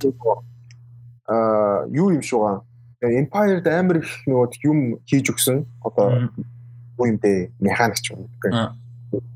Живсэг мөвсэг хийж өгд юм. Тэгээд амар том төрлийн юм шүү байгаа тэгээд. Тэр амар гоё. Тэр юунд тоглолтог тэр нэг эмэгтэй дүр байгаа штэ. Юу гээд Morgan Elsbeth гэт те. Энэ дүр тоглолтог энэ Diana Lee Innocento Innocento гэд жүжигчин болохоор юу юм бэ лээ? а би амал хуурлагаар хичээлдэг stunt woman хийдэг орлон тоглогч тоглодог өөрөө юм мундаг бас тулааны урлагийн хүн юм байл л да. Тэгэд сонирхолтой юм нь мань хүн Lee-гийн одоо God horror юм байлээ. Аав нь Lee-гийн сайн найз байсан. Аав нь Lee-гийн маш сайн найз байсан. Тэгээд Lee мань хүний Godfather байсан юм байлээ. Загнуус эцэгнээс юм байлээ. Nice. Тийм. Эвсэлтэй харагдаад юм аа. Тийм. Бүр тэр тулааныхаа юмнуудыг бүгдийг нь өөрөө хийсэн юм байлаа. Тэгээд нөгөө монторын очингуутай тэг чи миний асуудлыг шийдээд өгөх юм бол би чамд ийм цэвэр бискараар хийсэн ийм жад өгөө гэд. Тий. Тэгээд манай хүн болохоор нөгөө Асоког хайж явж байгаад тулж байгаа. Тэр хэсэг бас амар гоё. Тий. А тэр Асока хин хоёр анх тулдаг бас амар те банд хоёр. Тэгээ тэрэн дээр бид нар олж мэдсэн штэ. Тэр гэхдээ яг Lore Morton байдаггүй хаа Beskar-ыг зүсдэггүй гэдгийг lightsaber нөгөө нэг Beskar-ыг яд нэвтэлдэг pure Beskar-ыг. Тэгээ манай хүнийг тэр нөгөө нэг нөгөө гараараа ингээд хамгаалал нөгөө нэг Ahsoka тэр нөгөө нэг lightsaber-ээр бүр яагаад гэдэг амар тийм бүр. Тэр амар байсан. Тэр амар байсан. Тэгээд тэгээд явж байгаа нэг гоё shot байгаа нөгөө манай child суудсан тэгээд нөгөө Асока суудсан тэгээд цаана сартай. Тий. За тэгээд тэр дунд ярьсан амар big reveal-үүд юу байсан бэ гэхээр нөгөө нэг Anakin чи юу яд нь штэ нөгөө Order 6060 66-ийн үед Revenge of the Sith дээр баах нөгөө жоох хүүхдүүдийг алдсан штэ. Anakin А яг жинхэнэ нөгөө нэг dark болж байгаа үед нөгөө нэг хүүхдүүдийг алчдаг. Тэр дундаас оргосон болж таарсан. Манай тэр дунд байсан. Яг literally тэр өрөөнд гэхээсээ илүү Jedi Academy-д ер нь тэнд бол байсан. А тэгээд ерөнхийдөө тэр Order 66-ийн үед оргож бол чадсан. Тэгтээ хэн оргуулсан нь бол одоохондоо тодорхойгүй. Тодорхойгүй. Тэнгүүтээ юу өөрх нь нэр нь Grogu? Grogu тэр тэгтээ миний хийсний бүр хамгийн хөөрхөн юм. Энэ эпизодоос гадна дараагийн эпизод дээр тэгдэж штэ нөө Grogu гэ нэртэй Grogu гэж ч манай. Тэ нэрийн дуудахаар ингээ мангар хөргөө. Ингээ хардаг тэр амар хөөрхөн бүр. Тэгснэ нөгөө аль эпизод дээр лээ the tragedy-гийн эпизод дээр хамт явж байсан манай хүн байж байгаа л Grogu гэдэг дуудаг нөөд гинэ. Тэгээ байж байгаа л Grogu гэдэг дуудаг хардаг те тэрийг нь харснаа инээгээд өгдөн штэ мандо. Тэр амар хөөрхөн. Ант амар хөөрхөн. Тэгээ мандо ч юу ягаагүй штэ. Ерөөсө түүхэндээ ганц удаа инээсэн нь тэр байхгүй юу манай. Grogu. Нөөд. Тэр амар хөөрхөн ясч. Амар хөөрхөн. Тэгээ Грогу гэдэг нэртэй болж таарсан. Асока тэгээд яаж байгаа нөгөө би трейн хийхгүй. Угаасаа би тэгээд яг ингээд хүнд аташ болсон ийм одоо одоо force sensitive хүний трейн хийхлээр яг ямар зам руу ордгийг би энэ дээр харсан болохоор би трейн хийхгүйгээр Тэр нь бол Anakin-ыг ярьж байгаа. Anakin-ыг ярьж байгаа. Тэгээд тэр амар тийм sad гэхдээ бас амар тийм бас гоё хомдож байгаа юм. Тэгээд Тэгээ Грогуг ямар амар force powerful вэ гэдгийг шууд мэдэрсэн. Аа хин. Аа Соко бол тэ. Тэгээ ийм амар powerful хүн хүнтэй сэтгэлийн холбоотой байхаар илүү аюултай байдаг би бол юу басныг нь мэдж байгаа. Юу болдгийг нь мэдж байгаа. Тэгээд яг хуу яг хинжинэл Jedi байхаа болцсон дээ. Аа Асока ч тэ тэрийг бол яг дурдаагүй тэ. Тэгээ Jedi хэлсэн чи өөрөө нэг эсэргүүцэхгүй тэгээд яг хуу юу л гэж би бол тэгж л ойлгосон нөгөө одоо угаасаа нэгт бүх жидай баг байхгүйгээс хойш тэгээд би Тэгээ манда угаасаа мэдчихгүй юм чинь те. Your kind тэр нь гэхдээ инээдтэй your kind like Тийм манай хүн болохоо дандаа kind гэдэг те. Нэг тийм зүгээр нэг тийм дэлхий байдаг жидай гэдэг нэг тийм үндэстэн байдаг гэж ойлгоод байгаа шүү. Тийм. Нөгөөт нь болохоор шал өөр юм байгаад байдаг те. Тэр нэр инээц. Your kind гэдэг. Тэгээд юу болохоор Асока Аа. А тэгээд Асока болохоор мэн хүнийг юу яасан Тайсон гэд гариг руу яваа. Тэгээ тэнцээ юм чулуу байгаа. Тэр чулуун дээр Йодаг суулгачих Грогу гэх Грогу юу. Грогу суулгачих. Тэгэхээр цаачаа юу их мэднэ. Тэгээд ерөнхийдөө энэ эпизод дуусчих. Яг нөгөө нэг тулаантай хэсэг байгаа мэдээж эпизодын хайлайттай төгсгөл хэсэгт нь хоёр зэрэг тулаан явж байгаа. Нөгөө нэг эмгтээтэй болохоор яг Асоко Тоно үзэж байгаа. Тэр бас айгүй гоё. Нөгөөдг нь Бескар Жадар ингээд тулалдж байгаа бас айгүй гоё акшн хэсэг. А тэгээд нөгөө талд бас нэг амар том юу байсан. Кастинг бол Michael Bean байсан. Тэр нөгөө нэг эмэгтэйгийн баруун гар гэх юм да цэргийн баг. За Michael Bean бол нөгөө нэг юугаар хүмүүс мэдэн штэ А Terminator дээр Kyle Reese Terminator 1-ийн Kyle Reese тэ бүр одоо Terminator 1-ийн гол дүр штэ. Kyle Reese-ээр нь мэдэх бах. За Aliens дээр тогссон 80 90-ад оны акшн хиро штэ манай ч. А тэр бол асайг гоё каст байсан. Тэр хоёрын нөгөө нэг Mexican stand-off амар сүртэй тэ. Яа ингээл яг амар Мексик амар western шороо ингээл хоосон гудамж тэгэл ингээл юм салхилаа. Хоёлаа бууга барьцсан тэ. Тэр асайг гоё. А тэгээд Тэр хоёрын тулаан юм бай гоёсан. Тэрнээс гадна амар том бас нэг big reveal одоо саяхан зарлагдсан Асока гэж зураг зарлагдсан шүү дээ. Тэр мэдж байгаа. А тэрнтэй шууд холбогдох амар том big deal юу байсан бэ гэвэл нөгөө нэг эмэгтэйг Асока тааны ялаад тэр хүнээс юу олж мэдхийг хүсээд байсан бэ гэсэн чинь Grand Admiral Thrawn хаа байна гэсэн. Тэр бол амар том big deal. Grand Admiral Thrawn-ыг бол хөөж байгаа болж таарсан Асока. За тэгээд Admiral Throne-ы хувьд бол яг Star Wars-ын ертөнцийн дотор хамгийн сүүлд хизээ харагдсан байх гэхээр хинтэ Ezra-тай тулалдж агаад тэр нөгөө нэг ингээд юм тэр ч юу гэдэг вүлээ Star Wars дээр нөгөө speed jump юу гэдэг вүлээ What's the нэр hyper jump? Hyper jump light jump something. Тэгэд би одоо тэр мэрийг марц тэгээд ингээд нөгөө нэг яваад өгсөн хамт Тэгээ юу болсон тодорхойгүй Admiral Thrawn Ezra хоёр л яг яг бүр ингээд тулалдж байгаа тэгээ яваад гисэн. А тэгээ тэрнээс хойш харагдаагүй. Тэгэхээр Thrawn бол одоо явж байгаа гэсэн үг. Ямар нэг газар бол ингээ яваад байгаа. Тэгэхээр Ezra байгаа гэсэн. Тэгэхээр Ezra Ahsoka дээр Ezra гарах магадлалтай бүр. Тэгээсээ тэгээд тэнгуүтээ бас босс дөрүүд гас гаруул аймаг гоё. Яа. Тэгэд Mandalorian дээр хэнийг хармаар байгаа байхгүй, Sabine-ийг хармаар байгаа байхгүй. Sabine-ийг харин яг exactly яг Mandalorian дээр би нэг хармаар. Mandalorian дээр Sabine-ийг хармаар байгаа. Тэгээд нөгөө нэг oh shit энэ чи өөр ямар ямар цурлууд байгаа байлаа. Өөр ямар цурлууд зарлагдлаа нөгөө нэг Squadron-тэй нь юу вэ? байгаа Squadron байгаа Rangers of the New Republic шүү дээ нэг нь. Тийм Rangers of the New. Яг нөгөө нэг Mandalorian-тай шууд холбоотой Rangers of the New Republic тэгээд Ahsoka. Тэгвэл нэгэн дээр нь Rangers of the New Republic дээр ч юм уу ялангуяа Rangers дээр яг гоё болно. Хэнийг Hera хармаар байхгүй. Hera Syndulla. Тийм тийм Hera. General болсон байсан шүү дээ. Rogue One дээр General болсон байдэн шүү дээ. Тэгэхээр General Syndulla-г хармаар байгаа байхгүй юу? General Syndulla-г Rangers of the New Republic The Mandalorian дээр Sabine-ыг тэгэнгүүтээ Ahsoka дээр Ezra хар яа тэгвэл бүр яг манай Rebels-ийн crew comeback. Тэгээд хэн бол явах те Seb бол явах те аль нэгэн дээр нь тэгээд тэдэг царайлаа гарна л үсттэй.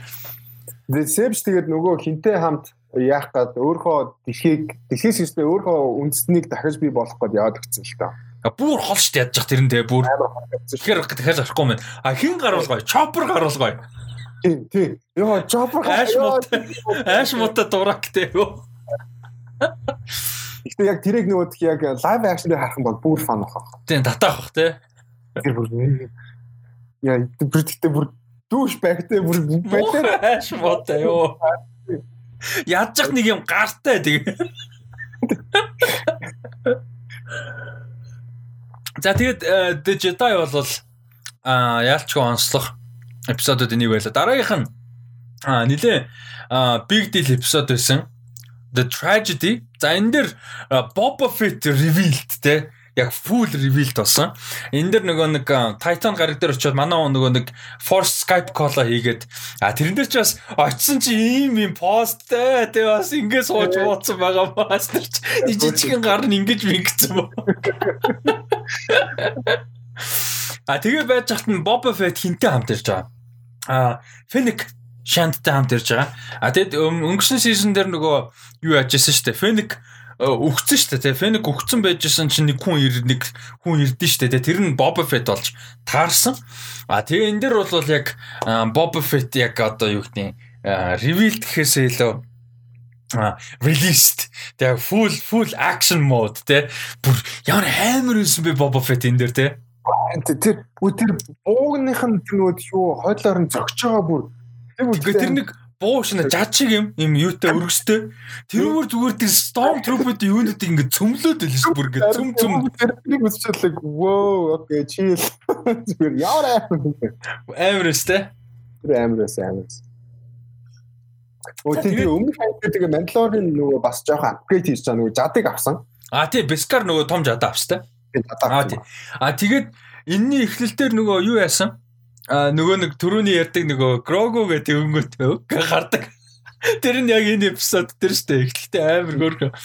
А тэгээд а Phoenix Shan-хийн хоёр Bobo хоёр ирээд Mandalorian-тай хальт хальт тулж байгаа. А гэхдээ зорилго нь бол армор авах те. Тэгээд тэр талаар ингээд яриа байжсэн чинь Stormtrooper түрээд ирж байгаа. Moff Gideon юуг нь яатсан? GPS-ийн track хийсэн байсан тэгээ өрөөд ирж байгаа. А тэгээд Stormtrooper-ийн эсэг тулалдж байгаад манай хүн бүгдийн цөм цөм цөм зогсож байгаад гэс хиний Razor Crest-тэй манай хиний Mandalorian ship Razor Crest руу ороод сүтээ өөрөө өмсцэн. Тэгээ гарч ирээд бүр бодоолгодог те. Яг нөгөө Boba Fett-ийн сүттэйгээ. Тэр бол бүр. Тэгээ манай хүн чи hero shot modтай те нөгөө амар slow motion shot modтай те. Тэгээд энэ анги дээр нөгөө яг нөгөө яалч энэ Mandalorian ингээд нөгөө Star Wars гэдэг ертөнцийг ингээд тэлээд тэгээ бас нөгөө explore хийгээд те ингүүл яадаг бол тэгвэл яадаг бол гэхдээ яг энэ анги дээр нөгөө яг энэ дэлхий дээр байгаа юм шиг нөгөө ногоон яг дэлхий дээр байх боломжтой нэг тийм газар байгаа шүү дээ. Тэр нь надад нэг тийм гоё үед бол гоё гэхдээ яагаад ч нэг тийм бүр ингэ нэг тийм Star Wars гэж итгэхэд хэцүү ч юм шиг санагдаад байна. Чаа тэгш нү надад бол нэг тийм сонио юу байсан. Тийм. Би бас анзаараагүй юм байна. Надад нэг тэр нь жоохон сонир санагдал like оо окей дэлхий дээр болоод like looks weird. Тэр нь жоохон сонирхолтой. Яста анзаараагүй мэнэ тэрийг бол. Амар янз янзын газар байгаа байхгүй. Нөгөө Star Wars-ыг үзэж байхад ингээд юу гэж бодогдож байгаагүй. Одоо талаа тэнгис ч юм уу те нэг бол ингээд газраар явдаг нөгөө бүхэл юм нэстэг high tech гэж бодогдсон шүү дээ.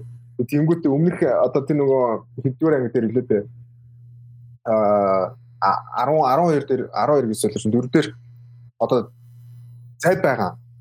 Тэгээд тэрүүгээр ингээд далаа дээр явж байгаа. Тэгээд ирэнгүүт тэр ертөнцийг нарай илүү гоё болгоод ирж байгаа гэх юм уу. Надад бол тийм амар гоёс. Тэр нөгөө тэр нөгөө нэг мэлхи мэлхи эмгтэйг авч явдаг эпизодын төгсгөл дээр тэр нөгөө биш тэрний дараагийн анги дээр нөгөө аваач зүгдэн штэ нөхөрт нь. Тэгээ тэр эпизод дээр тэр нөгөө гариг бас аягүй сонин гариг өгдөг штэ тий. Нэг юм далайн гариг ус ихтэй. Тэгэнгүүтээ тэр гариг дээр нь амьдэрдэг амьтад нэг юм далаагаас гаралтай ээлинүүд дандаа юм crab map шиг юм мэлхий зэлхий шиг. I know it's ridiculous. Амар like what the fuck амар арга тэнэг байхгүй юу? Тэр нь visual нь. Гэтээ бид нар Star Wars гэж дасцсан болохоор тэр нь окей байгаа байхгүй. Тэр Star Wars хизээч үздэггүй зүгээр ингээм үздэг хүмүүс тэрийг харуулвал what the fuck is this shit гэмээр байгаа байхгүй. Яж бүх effect practical болохоор бүр амар бидний хувьд гоё мэдхгүй хүмүүст бол what the fuck гэмээр Тэгээд э, надад бол Mandalorian ингээд нэг гой гой шин шин газруудаар яваад ингээд шин юмнууд ингээд explore хийж байгаа амар гоё. Тэгээд ер нь world-а илүү гоё нэг тийм жижигхэн жижигхэн зайгаар одоо expand хийж байгаа тийм. Тийм амар гоёсэн тэгээд тэлж байгаа. Э, энэ ангич тэгээд ер нь Boba Fett анги байсан дөө ер нь. Тийм. Тэгээ Boba будаа болгож агаад Аа тэр нөгөө нэг хоёр ингээд spaceship-ын зугтаасан ч нөгөө jetpack-д байдаг пуужин гараа буудаал те. Тэр мөр мангар cool те. Нэгийг нь онцтой нөгөөдг нь бас унахстай. Тэ. Тэгээд юу гэдэг вүлээ чи амар гоё эм хийлээ гэсэн чгүй би нөгөөдг нь онилчихсан баг чи нэг юм. Тэгээд тэгээд хамгийн амар трагедийн за энэ эпизодын заяа. Яг нь Dark Trooper-ууд нөгөө нэг эпизод дээр өмнөх эпизодуудын нэгэн дээр нөгөө Moff Gideon нэг амар олон Dark Trooper-ууд хөгжүүлж байгаа нь бас гардаг. А тэгээд энэ дээр Dark Trooper-ууд ирээд Grogu-г аваа авчичаа. Тэр нь асуудал. А гэхдээ тэрнээс өмнө яасан бэхээр Razor Crest байхгүй. Razor Crest-ийг бүр бүр ингээд юу ч болтол ямар ч нөгөө нэг манай хүн чинь Razor Crest-ийг энэ season 2-ын турш яаж хийж байгаа л нэг засуулаад яваадсан шүү дээ. Арга заасаал яваадсан шүү дээ. Сүүлдээ нөгөө нэг хойдлогын том хэсэг нь бүр ингээ онгорхой сансраар нисч бисэн яваад байсан шүү дээ. Тэгсэн чинь бүр ингээд ямар ч авралгүй болгоод бүр сүтгцэн те. Moff Gideon-ийн ship буудаад Тэр хамгийн том tragedy нь энэ эпизод ээ. Тэр ялч tragedy тэгээд яг го Грогог алдчихж байгаа юм tragedy нь лахалтай гэх тийм л дээ. Давхар давхар бол тэр бол онцгойсэн. Гэтэ Razor Crested амар хайртай байсан юм байлээ. Би нөгөө нэг хиний Милано биш үү манай Star Lord-ийн Милано. Тэр шиг би яг тийм хоёр фигюр авч тамиар санагцсан. Бүр яг энэ цуглуулганд өөр Милано юу Razor Crest хоёр бүр яг ингэ авч тамиар санагцсан. Гэхдээ тийм бүр үнэхээр янзлал янзлал яваад идэг бүр үнэтэй тий. Гэхдээ яалтчгүй хөөх юм нэстэ жоохон жоохон янзлал яваад байсан юм аа. А тэгээд чи сүулт амар гой засуулсан явж илүү тий уулна. Гой ч хийжтэй тэр нөгөө сонин аа тий тий гой засуулсан. Тий гой засуулсан байж исэн чинь тэгээд дэлбэрчиж байгаа шүү дээ тий. Тий нөгөө хин Griff Carga дээр очиод нөгөө засуулчихсан. А тий Carga дээр үнэн заяагүй нэ. За тэгээд ингээд энэ анги болохоор ингээд Grogu-г алдаад дууссан. Гэхдээ яг энэ ангийн хамгийн том хайлайт бол яалчгүй Boba Fett. Тэгээд тулцсан акшн бол амар гоё. Тэгээд дараагийнх нь болохоор Rick Famuyiwa-гийн найруулсан. А тэгээд саяны дээр амар tragedy ангиг болохоор хин найруулсан?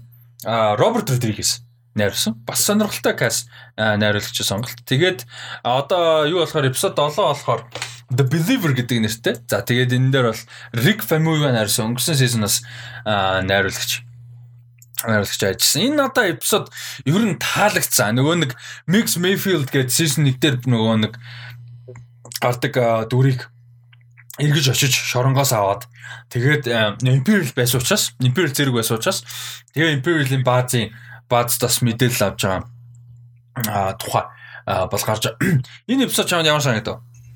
Энэ эпизод яг таалагдах хувьд бол таалагдсан. Муу эпизод яагаад биш. Гэхдээ зүгээр надад зүгээр нэг ганц хэцүү юм л зүгээр яалчгүй филлер байсанд нь амар хэцүү байгаа байхгүй юу? Ер нь амар нэг тийм филлер ангуудтай. Тэгээд яг энэ болохоор тэр чигээрээ филлер шүү дээ.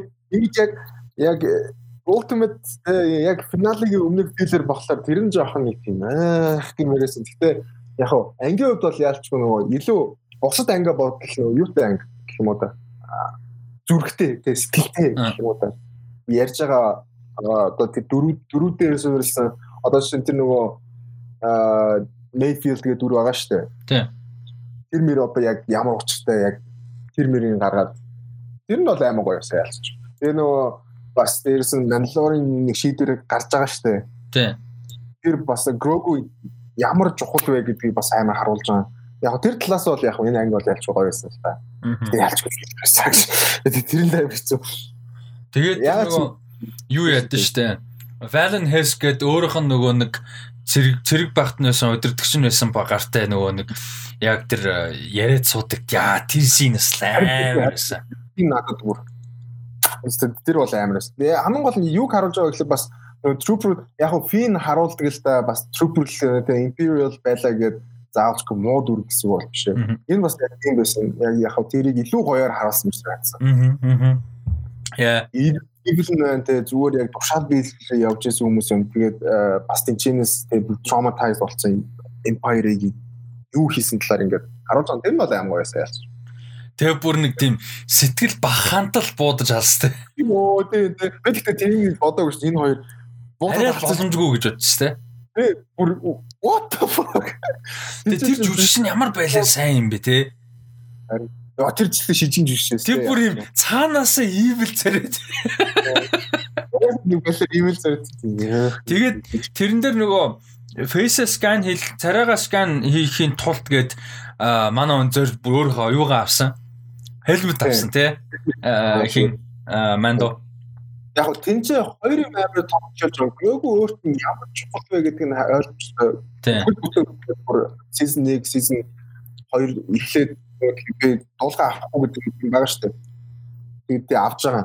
Groove-ийн төлөө авч байгаа. Тэгээд нөгөөд нь болохоор бас би тэгж бодоо нөгөө хинтээ Богтантай уулзсан болохоор бас арай илүү нэг харах өнцгийн өөрчлөлт ойлог угаасаа түрүү ярьсан шүү дээ. Тийм тийм.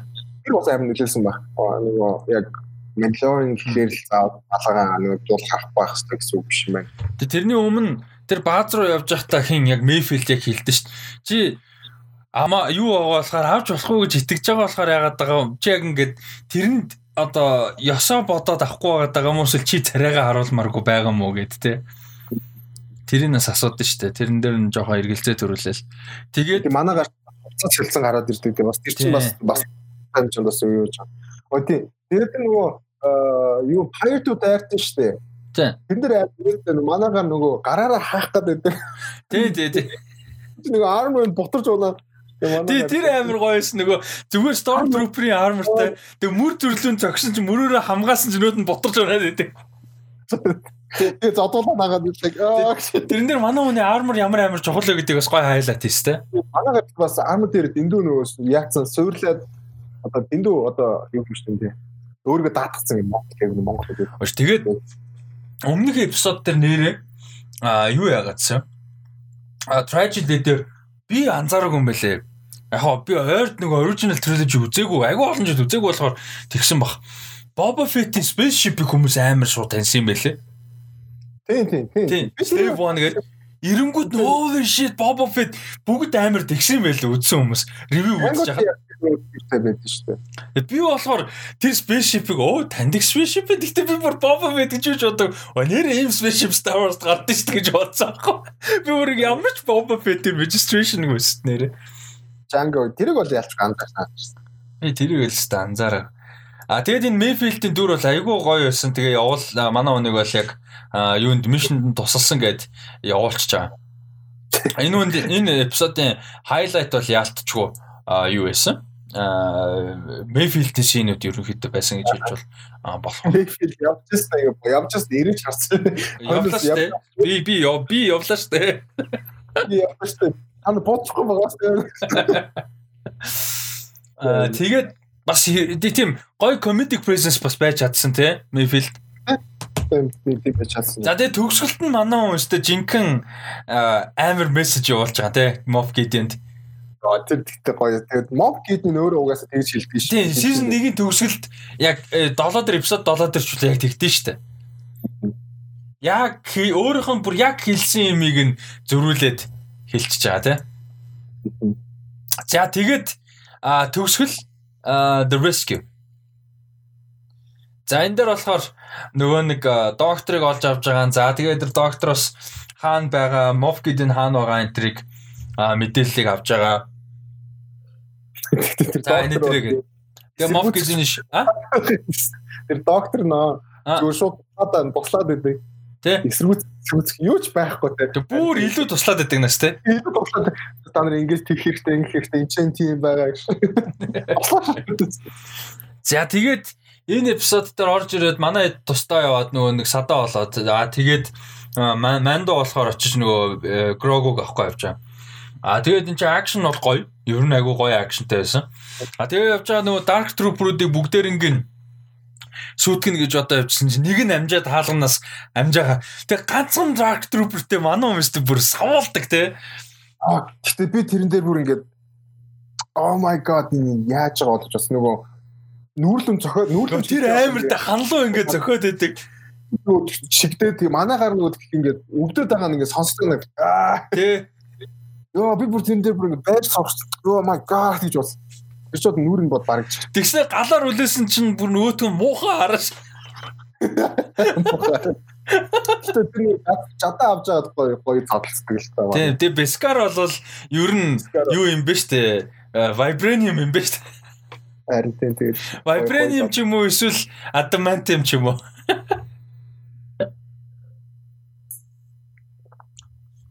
Тий, тэгээ тэр fight гоё байсан. А тэгээ мэдээж явж явж явж байгаа нөгөөд очиж үзсэн чинь удирдлагын хэсэг мэсэг юун дээр байхгүй. Тэрэн дээр хин ба. А Бокатан тэгээ Бокатаны нэг туслах амар сайсын хүүхэн. А тэгээд хин Жина Крано хин Кара Дун а тэгээд Фениктэй аймаа байраас дөрөв эмхтэй явж байгаа. Тэгээд тэр дөрөв болохоор явж байгаа контрол юун дээр очсон чинь хинж байхгүй. Тэгээд Грогогийн нөгөө хорж байгаа хэсэгт яг очсон чинь Dark Saber толгоон дээр нь барьцсан Moff Gideon байж байгаа тийм. За тэгээд тэр хоёр тулдаад тэр хоёрын тулаан яг уу яг тэр Dark Saber-тэйг байхад нь тулаан амар гоё байхгүй. Beskar нь ингээл яг Dark Saber-тэй тулгаар ингээл улаагаал тий. Тэр нь гүйл гэхдээ тэгэл Dark Saber байхгүй болчингууд Moff Gideon хизээч манай өнөг барахгүй байгаа байхгүй. Гоо гэхдээ тэрэн дээр нөгөө хин жүшнийхэн тийм Жан Carlo Esposito. Esposito. Жан Карло Esposito гэхдээ тэрэн дээр бүр амар кул эс бүр ингээ Яг тэр зодчоо модчоо юм амар гоёсэн. Гоёс гоёс. Би нөгөө яалч нөгөө тэр нь илүү нөгөө тхий wide shot continuous байсан болохоор тэгээд яг тулж байгаа хэсгүүд нь бас хампаа шүү. Тэр дээр яг бүх юм нэг highlight хийгээд тэгээд манаагаар тэр нөгөө яг энэ анги дээр яадаг шүү нөгөө боктай нөгөө би юу хинтээ моб гизэмтэй би туулдаг шүү. Би үзэн шүү гэдэг шүү. Шүү тий Тэрийг л надад үлдээчихээ гэдэг. Тэгээд хэнийг гид моф гэдгийг бариад нөгөө хэд дээр ирээд маа энэ Dark Saber надаа энэ бол хэрэггүй угаасаа чи авдгаараа ав гэсэн чинь зогсоодсэн. Тэгээд Moff Gideon инээгээд те. Тийм боо Moff Gideon гэдэг албаар нэг тийм ялагдсан юм шиг болцсон те яг тийм дээр болохоор угаасаа би ялагдах юм бол ийм болно. Тийм тэгэнгүүтээ яасан гэсэн чинь Dark Saber-ыг заавал тулаанд яалж авах хэрэгтэй. Тийм. Тэгэхээр нөгөө бүгд авахгүй заавал тулаанд яалж авах хэрэгтэй. Тийм Mandalorian гэдэг одоо хариг гэхээс илүү тэр хүмүүсийг удирдахын тулд нөгөө нөгөө юу хэрэгтэй? А Dark Saber нөгөө юу лээ? Dark Saber биш ээ. Тийм мөн мөн Dark Saber шүү дээ. Тийм тийм Saber тийм. Dark Saber. Dark Saber нөгөө хэрэгтэй тэгээд нөгөө авахын тулд заавалчгүй хинтээ дин жаймтай золтох болчиход идэв. Тэгээ нөгөө хин моф гэдэг доор доор ингээ хөвцсөн инээгээш тийш хаа инээгээш тэгээ нэг тийм амар хорвогийн хамгийн гоё pay-per view fight event үзэж байгаа шиг манай хүн тий тий тий хоёр одоо ингээ гаал дунд front row seat-тэй юм шиг. Дунд ингээ яс хаяаш байгаа л чи чи мэддэг юм аа? Тайлбар жүш мөгөш нөгөө манай динжаан болохоор надад хэрэггүй чи зүгээр авчихаа гэдэг тий Тэ нөгөө тэр асар боломжгүй гэд тэ. Хамгийн том яг хоо story нь болохоор нөгөө юу л баг. А season 3 муур болон түүнээс цаашаа энэ хамгийн том том story болох баг. Энэ Бокатан энэ хоёр нэг үзэж таарах гэдэг юм да тий. Нэг үзэж таарах баг. Тэгээд манаагаар тэгээд нөгөө өдөртөн гэсэн бодол байхгүй болохоор тэгээд буугаад өгчөл болчиход байгаа юм л та. Тэгээд энэ хотлоо ганц зөр цохилчихсэн аа гэж ялагдчих болдго юм бах та. Тий, тий, харин тий. Өөдөө нөгөөт нь заав Oh, I I surrender. Хоёр захаас ёо ёо ёо шүү. Тэ маа нэг аваа та баа гэсэн нь шээ. Тэгээд а энэ хэд ингэж хоорондор нөгөө юу яасан Space Out хийсэн нөгөө сансарлуу ингээд киклцэн Storm Dark Trooper бүгд хүрээд ирж байгаа. Тэгээ бүгдээрээ нисдэг. Тэгээ тэдний надад амар таалагдсан юм. А хоёлаа ерөөсөө энэ шийснээ нэг ч яриаг байгаа хөгжим. Хөгжим бол гоё юурэ байгаа даа. Ludwig Göransson зүгээр нэг гоё аянуудаа давтахаас гадна season 1 дээр хийсэн гоё аянуудаа давтахаас гадна хөгжүүлээд байгаа. Тэ дөрүүд дээр Boba Fett дээр За тэгээд бусад үйл явдлууд дээр ингээд амар гоё хөгжүүлэлттэй улам сайжраад байгаа хөгжим нь улам сонсголонтой гоё болоод байгаа. А тэгээд Dark Trooper-ийн хөгжим надад амар сонирхолтой байсан. Тэр бүр ингээд нэг юм dub step юутай нэг юм элементтэй step юм шиг нэг тийм electronic юм юутай амар юм techno хөгжимтэй нэг тийм зүүн байсан яг энэ Dark Trooper-д гарах болгонд нь. Тэгээд надад бол яг тийм стил гоёсэн гоёсэн. Тийм Dark Troop-д амар зөвөн бүр амар тэгэл үйлдэл болгоныг нь мангар удаан харууллаа. Тэг эднэр л амар гэсэн байдалтайгаар тий. Тэгээд хаалгын цөмөлж хүмүүлэл тэгээд хэн болохоор тэгээд байхгүй. Аа Moff Gideon болохоор тэгээ эцэстэнтэй өнөөдрийн эцсийн байдалд бол энэ та нар амар сүртэй баатарлаг бүгд байлдаал бүгд үхэл тэ Grogu битээр л үлднэ гэж тэгж байгаа байхгүй тэ. Тэгээд нөхцөлөд ч тэгж харагдажсэн. Тэгсэн чинь spaceship нэг ганцхан X-wing ирж байгаа тий За тэгэл их юм болж байгаа юм. За ганцхан X-Men ирэхэд би бол Tyson дээр угаасаа хин нэг ямар нэг Jedi дуудсан нэг бол мэдж байгаа. Тэгээ угаасаа их нэг ирэх нь. За тэгээ ганц X-Wing. За угаасаа аврал Jedi ярина. За Dark Trooper мөрпөрдийг ална. Окей, fine. Тэр л ойлгомжтой. Зүгээр хэн байх вэ гэдэг. Тэр би бодтоо болохоор please don't be Luke. А тэгээ зүгээр хэн байвал тэгээ Ezra гэхээр шууд хараад танихгүй шүү дээ бид нар. Нөгөө нэг тийм character interaction явж ээж Ezra гэж мэднэ.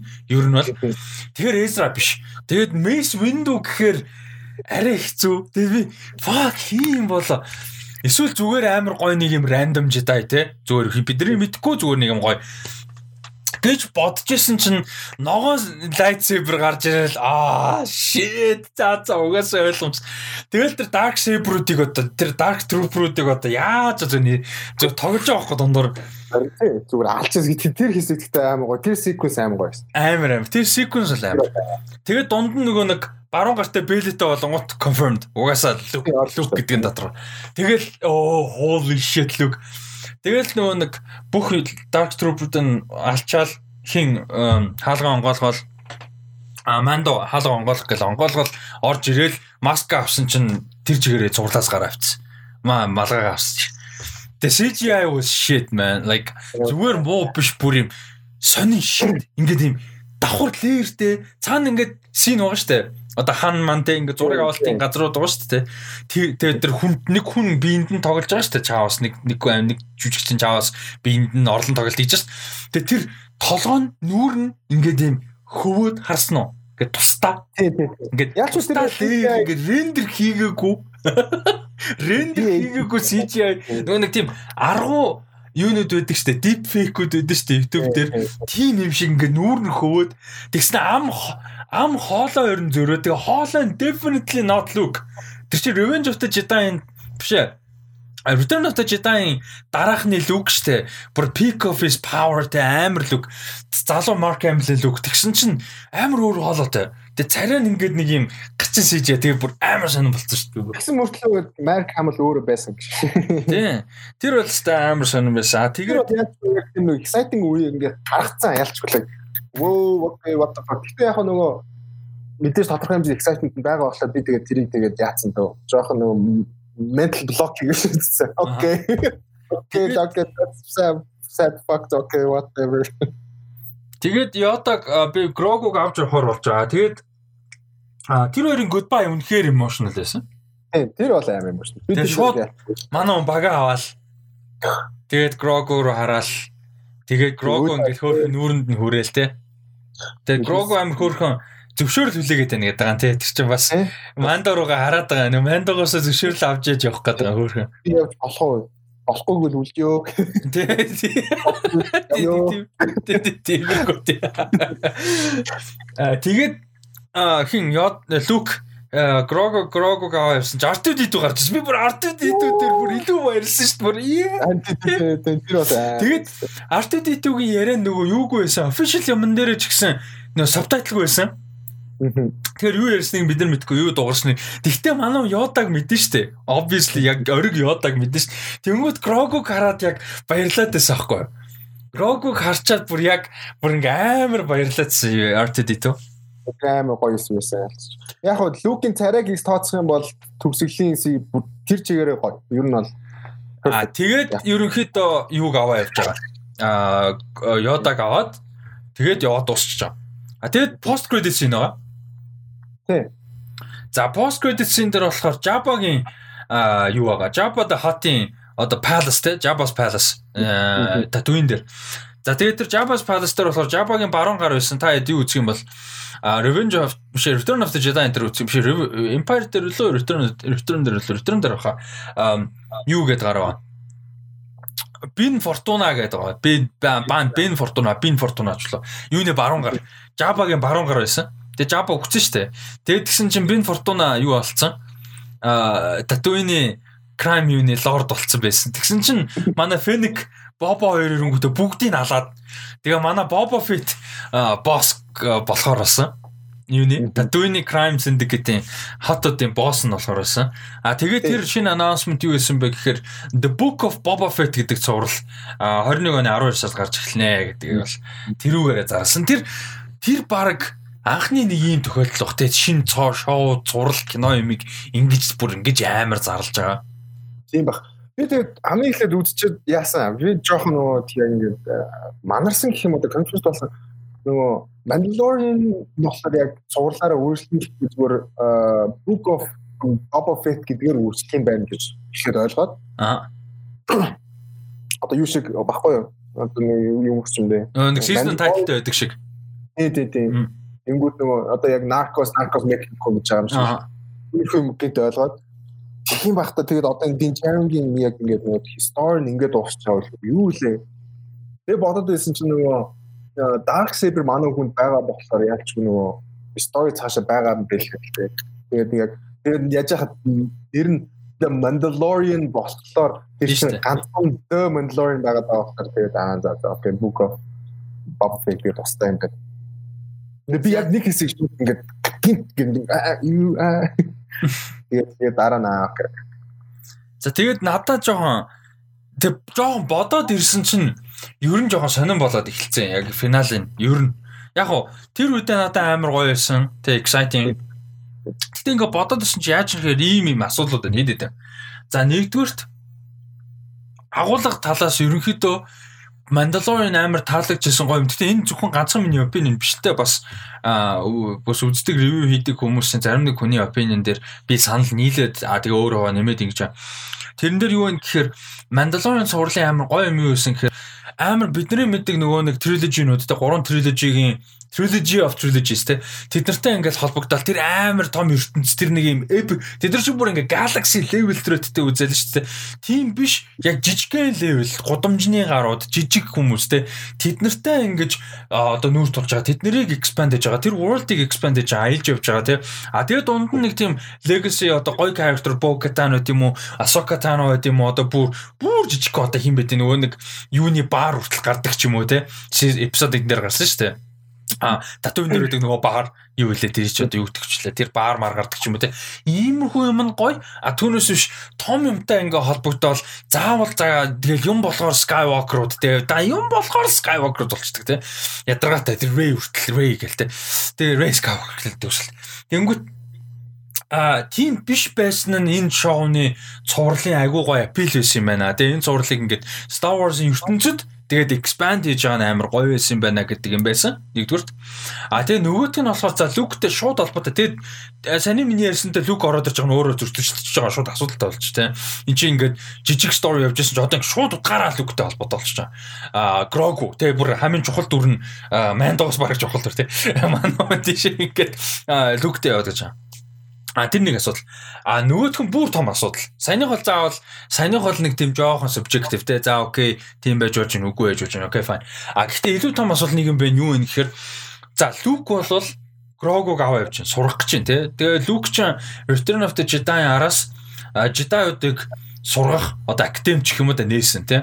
А тэгээд бид нар Last Jedi болон Force Awakens ялангуяа Last Jedi дээр олж мэдсэн юм юу байсан бэ гэсэн чинь Kylo галзуураад тий одоо галзуураад ч юм уу тэр хоёр муудалцаад бүтэн академийн шатаацсан. Тэгээд тэр тэр шатаасан академид бүх Jedi студентүүд нь бүгд өгсөн. Тэгээд Kylo Ren тэгээд Kylo Ren Ben Kenobi Kylo Ren болсон. Тэгээд ер нь бол цаашаа яваад. Тэ тэгэнгүүт Grogu хоёр л аутком байгаа байхгүй юу? Нэг бол тэрнээс зүхтаасан. Тэг ингээд аамарын болоо зүхтаасан. Нэг бол шатаад өгцөн. Кайлор нь. Би бас яг тэгж болсон нөгөө лүк ааж явахт нь окей за юулээ чин хүчдэг үлээ юу лээ. Яг яг тэгж бодсон. Тэгээд яг хоо жижиг хэмжээнд байх хэрэгтэй гэдэг дээр болохоор би бол тэгж бодоод нөгөө лүк Skywalker болохоор энэс илүү дахиж хийх гарахгүй хаа зүгээр ингээд харин зүгээр дахиж гармааргүй яг үнэндээ. Тийм тийм. Би бол тэгж бодож байна. Дахиж гарахгүй байх. Угаасаа зүгээр энэ болохоор зүгээр season 2-ын pay off маягаар гаргаж ирсэн баг. Яг тэ нөгөө fan service лахгүй юу? Тэгээд тийм болохоор яг энэс илүү нэг цаашаа яахгүй баг. Гэтэ яг хуу story цаашаа том болж магадгүй илүү Mandalorian ч юм уу те нэг тийм а жоохон political юмтай холбоотой болоод бог тань гэдэг юм бол яах юм бол. Гэтэ баг тэгэхгүй байхаа эдгээр яг юу хийж байгаа мэдж байгаа хүмүүс байгаа болохоор тэгээд нэг би бол нэг санаа зовсон юм болоо. Аа. Тэгээд ялчуд нөгөө асуудал нь болохоор нэр Грогу юу хин Бен Скайвокер алдсан уу? Нэг бол Бен Кеноби илүү Скайвокер Кеноби юу сте Кеноби биш Бен Кеноби биш Оо Бен Соло штэ манай Соло Бен Соло. Бен Соло алдсан уу? Нэг бол амьд үлсэн үү гэдэг л амар тийм Тэгээ бас нэг хэцүү юм байна зөө. Ингэж байгаа штэ. Грогу чинь саяны одоо энэ зураг дээр одоо ингэ явж байгаа дээр 50 настай дээ. Аха. Тэ Тэгэж энэ амар урт урт насалдаг Йода ч 800 настай байсан гэж ярьдэн дээ. Амар урт насалдаг тэг удаан ингэж яадаг амьд амьтад. Тэгэнгүүт Йода Грогу сая 50 настай байсан. А эн чин саяны энэ болж байгаа үйл явдал чинь Return of the Jedi-с 5 жилийн дараа The Force Awakens чинь 30 жилийн дараа байдаг байхгүй? Тэгэхээр энэ хоёрын хооронд 25 жилийн хугацаа байгаа. А тэгээ Kylo Ren тэрийг алаа зутаасан гэхээр нэг 10 орчим жилийн хугацаа 20 жил гэхээр Kylo Ren нэг хүүхдтэйсэн болж штэ. Тэгээ 10 орчим жил. Тэгэхээр Grogu-г сая ингээд Luke аваад явснаас нэг 10-аас 15 жилийн дараа л э, Academy шатчихж байгаа байхгүй юу? Тэгэхээр Grogu тийм том болж амжихгүй би даасан тэ юу гэдэг тулалт юм уу ганцаараа зутаад юм. Тэгэхээр би basically baby хിവэрэ гэсэн үг байхгүй юу? Бараг л саяны Grogu хിവэрэ. Гэтэ яг зүгээр яг ингээд нэг тийм юу амар тийм гэж. Biologically бодох юм бол 50 насалж байхад baby хэвэндээ байна гэдэг нь kind of stupid. Илүү э яг удаан насалж болно окей. Гэхдээ тэр чин төрөөд өөрийнхөө бийг авч явах хэмжээнд хурдан очих хэрэгтэй байхгүй юу? Ер нь бол. Яг хөө зүгээр нэг тийм юу байгаад байна. Нэг тийм theory маягийн зүгээр дээр уншаад тийм яг хөө нөгөө Grogu зөв тийм специфик аа тийм төрлийн одоо амьтад яг өөрийгөө хамгаалах нэг арга нь болохоор зүгээр force амар сайн хэрэгэлдэг болохоор удаан би би яваад гэж болдог ч юм уу өөрийгөө хамгаалаад байдаг зүгээр юм хүн байсан. Тэгсэн ч гэсэн that's kind of stupid. Who cares? Yoda is 800 years old. Who cares? Яг над зөв нэг тийм их юм байна. За тэгээд яг overall яг Тэгээ За overall season 2 чамд ямар? Чамаас эхлэе. Overall season 2 бол надад бол хангалттай байсан гэж бодсон. Гоё байсан. Аа яг хөө дэндүү их fan service байсан байж магадгүй. Тэр тэр шүмжлүүдийг бол харахад бол яг хөө үгүйсгэхэд бол хэцүү. Угаасаа нэг тийм дэндүү бас нөгөө fan service хийх гэдэг байсан байж магадгүй гэж санагдаад байгаа. Тэгэхээр Тэгээд мэдээж тэгээ өөрөө фан болохоор тэр серверийн дэндүү гэдэг амттай эдсэн болохоор тэгээд яалтай. Тэгээд overall хэлэхэд бол надад бол ялчгүй гоё байсан.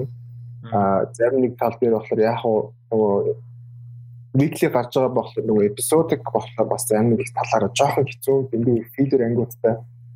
А надад тэр нь ерөөсөө асуудал байгаагүй. Надад тэр нь юу гэмэрсэн тийм overall arc байхс байгаа. Гэхдээ зүгээр нэг тийм дэндүү их филер байгаа юм шиг. За яг хөө зарим нэг байхад бол нэг асуудал бол байхгүй. Зүгээр зарим одоо жишээ а the believer ч юм уу надад бол тэр бол дэндүү филер юм шиг санагдчихсэн. Тэр нөгөө passenger passenger амар feeler санагдчихсан. Тэр энэ хоёр л амар тийм санагдчихсан. Тэгээд босдон жил яг окей гэхээр. Тэгээд одоо бол энэ шоу ч хоёр сизон явчлаа. Эхний сизнээс анханасаа ерөөдөө эпизодик гэдэг ID-га өгсөн болохоор надад зүгээр санагдаад байна. Тэгээс ээ үгдийн амар юм storyтэй шоу явж яснаа гинт филлертэй ч юм уу те эпизодик болчих юм болж байгаа санал баг л та. Түүнээс биш яалч тэгээд Mandalorian бол угаасаа тэгээд ахмад үздэг тэгээд бүгд хүлээдэг цогцлууд нэг болчихлоо шүү дээ. Тэгээд яа. Тэгээ надад season 2 ер нь гоё байсан. Тэгээд бажет нэмэгдсэн санагдсан. Бүр илүү гоё харагдаад, илүү реалистик бүр ингээд кино удаж байгаа юм шиг. Тэгээ бүр ингээд хэдэн зуун яг юм чинь угаасаа 100 гаруй сая доллар хийж байгаа. Гэтэ бүр ингээд ийм кино удаж байгаа юм шиг. Mandalorian-ыг бол одоо бүр театрт үзмээр байгаа байхгүй яг үнэндээ weekly болдог бол тий Mandalorian Expanse Center-ыг бол одоо бүр театрт үзмээр ийм хэмжээнд байна шүү дээ. Аа тэгэхээр энэ бол production бол амар гоё байлаа. Тэгээд аа overall бол таалагдсан. Зүгээр тэр Luke Mook-тэй холбдог надад жоохон дими санагдаад байгаа бодох тусам. Анхандаа бол би яалчгүй амар байсан. Би бүр look holy shit look гэл яалч тэгсэн л RTD мэт RTD энэ байхад. А гэхдээ Асока энэ ч гэсэн гоё. Гэхдээ Асока арайгаагүй гэхдээ Люк гэдэг бол жоохон тим санагдаад байгаа. Тэгээ саяны шалтгаануудаар. За тэгээд ер нь бол таалагдсан. Одоо тэгээд яг энэ одоо season 3 нь гарна. А Бобо одоо холбогдох нь шүү дээ. Ерөнхийдөө kind of. А тэгэнгүүт Бобо Book of Boba Fett-с гадна за season 3 тэгээд Rangers of the New Republic а юу гэдэг байгаа. Rangers of the New Republic тэгээд Ahsoka гэсэн хоёр зурлал байгаа. А тэгээд энэ цувралуудыг бол бас нэлээд хүлээж байна. Одоо Аа тэгэд Асокагийн нэлээд өөр ах. Амар adventure, амар mystery, амар metaphysical force morse гэсэн юм бас нэлээд яригдах бах. Тэгээд mind games явах. Thrawn ч хамгийн агуу tactical mind-уудын нэг штэ Star Wars-ын ертөнцид хамгийн амар tactical mind-уудын нэг. А тэгэнгүүт тэр бүр амар зэм тийм зөвүүн өгөө аваатай шатар нүүж байгаа юм шиг зөвүүн цуврал болох бах. А Rangers of the New Republic гэхээр өстө жинхэнэ action те X-wing-үүд те яг нэг бидний нөгөө нэг одоо манай талынхнаас өсдөг юмнуудыг яг тэр гоё явах бах. А гэж бодоод байна. Тэрэн дээр тэгээд түрүү ярьсан хэнийг бас харчвал Hero харчвал а гой байна. Эзраг Асока дээр харчвал гой байна. Сепиник Mandalorian season 3 дээр харчвал гой байна. Тэр гойдгээ эргээ харчвал. За за тэгээд ерөнхийдөө иймэрхүү байна да. Mandalorian season 2-ын хувьд бол таалагдлаа аль болох бас нэг хийх юм мартсангүй тий хаа очиж гайгүй детальтай ярьчлаа гэж бодож байна. За энэ хүрээд юу маань дуусчихна. А The Mandalorian э, цувралын season 2-ын review дуусж байна. Дээрээс нь Rusty Talks podcast-ын 106 дахь дугаар бас энүүгээр дуусж байгаа.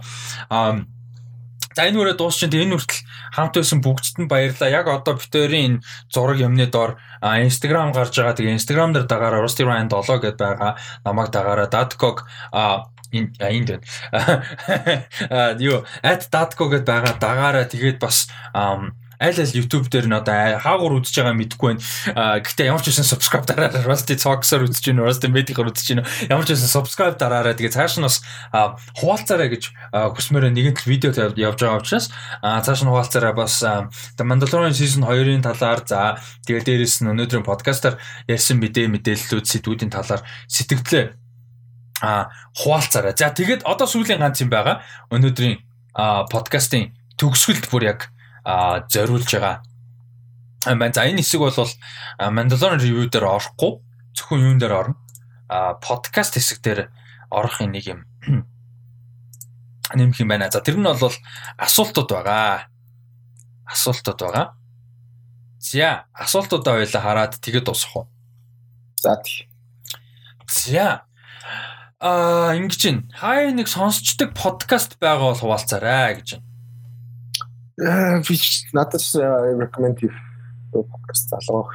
Чи подкаст хийх гэж байна. За би бол Ээ за хөлбөмбөг гэх юм бол Tifo-гийн подкаст амар гоо Tifo Football podcast гэдэг байгаа. За хөгжим гэх юм бол би Joe Budden podcast, Joe Budden podcast-ыг ер нь ихэнхдээ сонсдог. Тэгээд хиний ам оо Талиб Колигийн People's Party-г сонсдог. Гэтэ мэддэг сонирхолтой гэж бодсон зочноор орсон үед Яг дугаар болгоныг нь бол биш. А Kweli. Гэтэ ер нь айгуу гоё People's Party. А тэгээд кино урлаг талдаа, pop culture талдаа бол Nerd Soup-ийн подкастуудыг сонсдог. Ер нь бол. За. А нэг юм асуулт байна. Datco мэдэж магаад гинэ. Tony Stark, Bruce Wayne хоёрын хин нь илүү баян бол гинэ. Tony Stark, Bruce Wayne хоёр юм. Хоёулаа биллионер юм зү. Multi billion. Гэтэ хин нь илүү баян. Мэдгүй. Би бол Tony Stark гэж бодож. За, Statko гэрэл Tony Stark. А DC Marvel ямар баатар хамгийн ядуу юм бэ гинэ. Гэхдээ хэмэтгэвтэй одоо хамгийн ядуу юм бэ гинэ. Ядуугаараа алдартай гэвэл Peter Parker. Marvel дээр. DC дээр одоо ядуугаараа алдартай баатар байд юм уу? Константин бол дандаа мөнгөгүй байдیں۔ Миний мэдээ. Константин зүгээр угаасаа тэгээ тэмүүлч нөгөө жинхэнэ номад гарлаа. Тэгэхээр яг нь хин гэхдээ флаш мөнгөтэй юм. Мөнгөтэй баян бол биш гэхдээ average те. Тэгээ Wally West яах вэ нэг average дуул байна л да. Very average гэсэн. Тийм. Ер нь явж Peter Parker л ядуугаар алдартай. Тийм. Avengers орох уу гэсэн чинь надад цалин өгөх юм уу гэдэг. Tony Stark надад цалин өгөх юм уу өгнө гэсэн чинь баярлалаа гэж. За дараагийнх нь Star Wars-ыг ямар дараалалаар үзүүл зүгээрээ гэж. За миний хувьд бол зүгээр гарсан дараалалаар гэж бодож байна. Аа тийм би тэгэж л үз.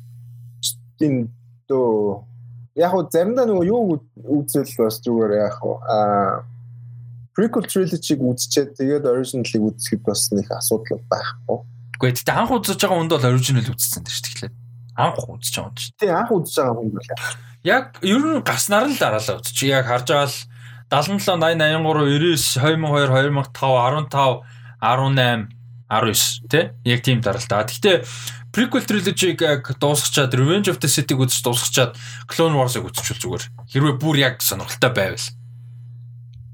Clone Wars Rebels тэгээд юу руу ороод sequel trilogy тэгээд одоо Mandalorian гэвэл илүү гоё.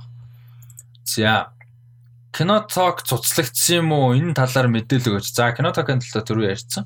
Аа, Spider-Man 3-ын талаар ярих юм байхгүй мó гэнэ? Ярих юм байхгүй.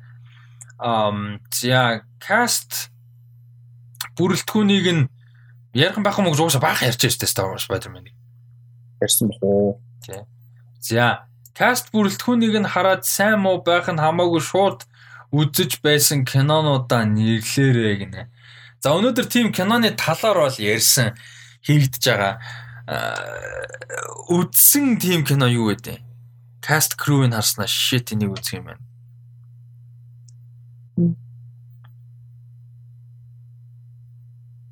Юу гэж болох Enola Holmes тийм байсан. Гэтэ нэг тийм амар том каст те. Гэтэл Millie Bobby Brown, Henry Cavill хоёр гэж удаад бас гоё л ш. Яа Тэгж бодож. Надад толгонд орчиж байгаа балаа. Аа надад хуучных гэхдээ одоо хуучных гэх нь хайшаа чинь саяхан л да уулна. 9 оны юу амар гойс. Аа Sherlock Holmes Роберт Дауни Жуниор гол дүртэн тэгэнгүүтээ Гай Ричи найруулна гэд би амар тийм. Тэгээ Rachel McAdams амар гоё. Yes. Тохойд л. За сүүлийн аа асуулт асуулт биш зүгээр комент юм. You doing well on La Liga bro. Keep going гэнэ. Thank you. Thank you. Thank you. That's nice. I appreciate that. За энэ үргээд а Rusty Sox podcast-ийн 106 дахь дугаар өндөрлж байна. А энэ хүртэл хамт байсан бүгдд нь баярлалаа. Дараагийнхаа дугааруудаар уулзцаагаар Instagram-аар дагаарай subscribe дараарай, comment сэтгэлээ үлдээцгээгээрэй. А дан аудиор сонсож байгаа хүмүүс YouTube руу орж иж бас сэтгэлээ үлдээгээрэй. А тэгээд дараагийнхаа дугаар хүртэл дараагийн дугаар нэрээ 20 оны сүүлийн дугаар байна шүү. А тэгэхээр бас сонирхолтой дугаар болно гэж бодож байна. Тэгээд Rusty Talks Facebook хуудсыг нэрээ дагцгаагаараа ер нь ирэх ирэх нэг 10-аад хоногт бол нэлээд юмнууд орох гэж найдаж байна. А тий. Тэгээд баяр та. Peace.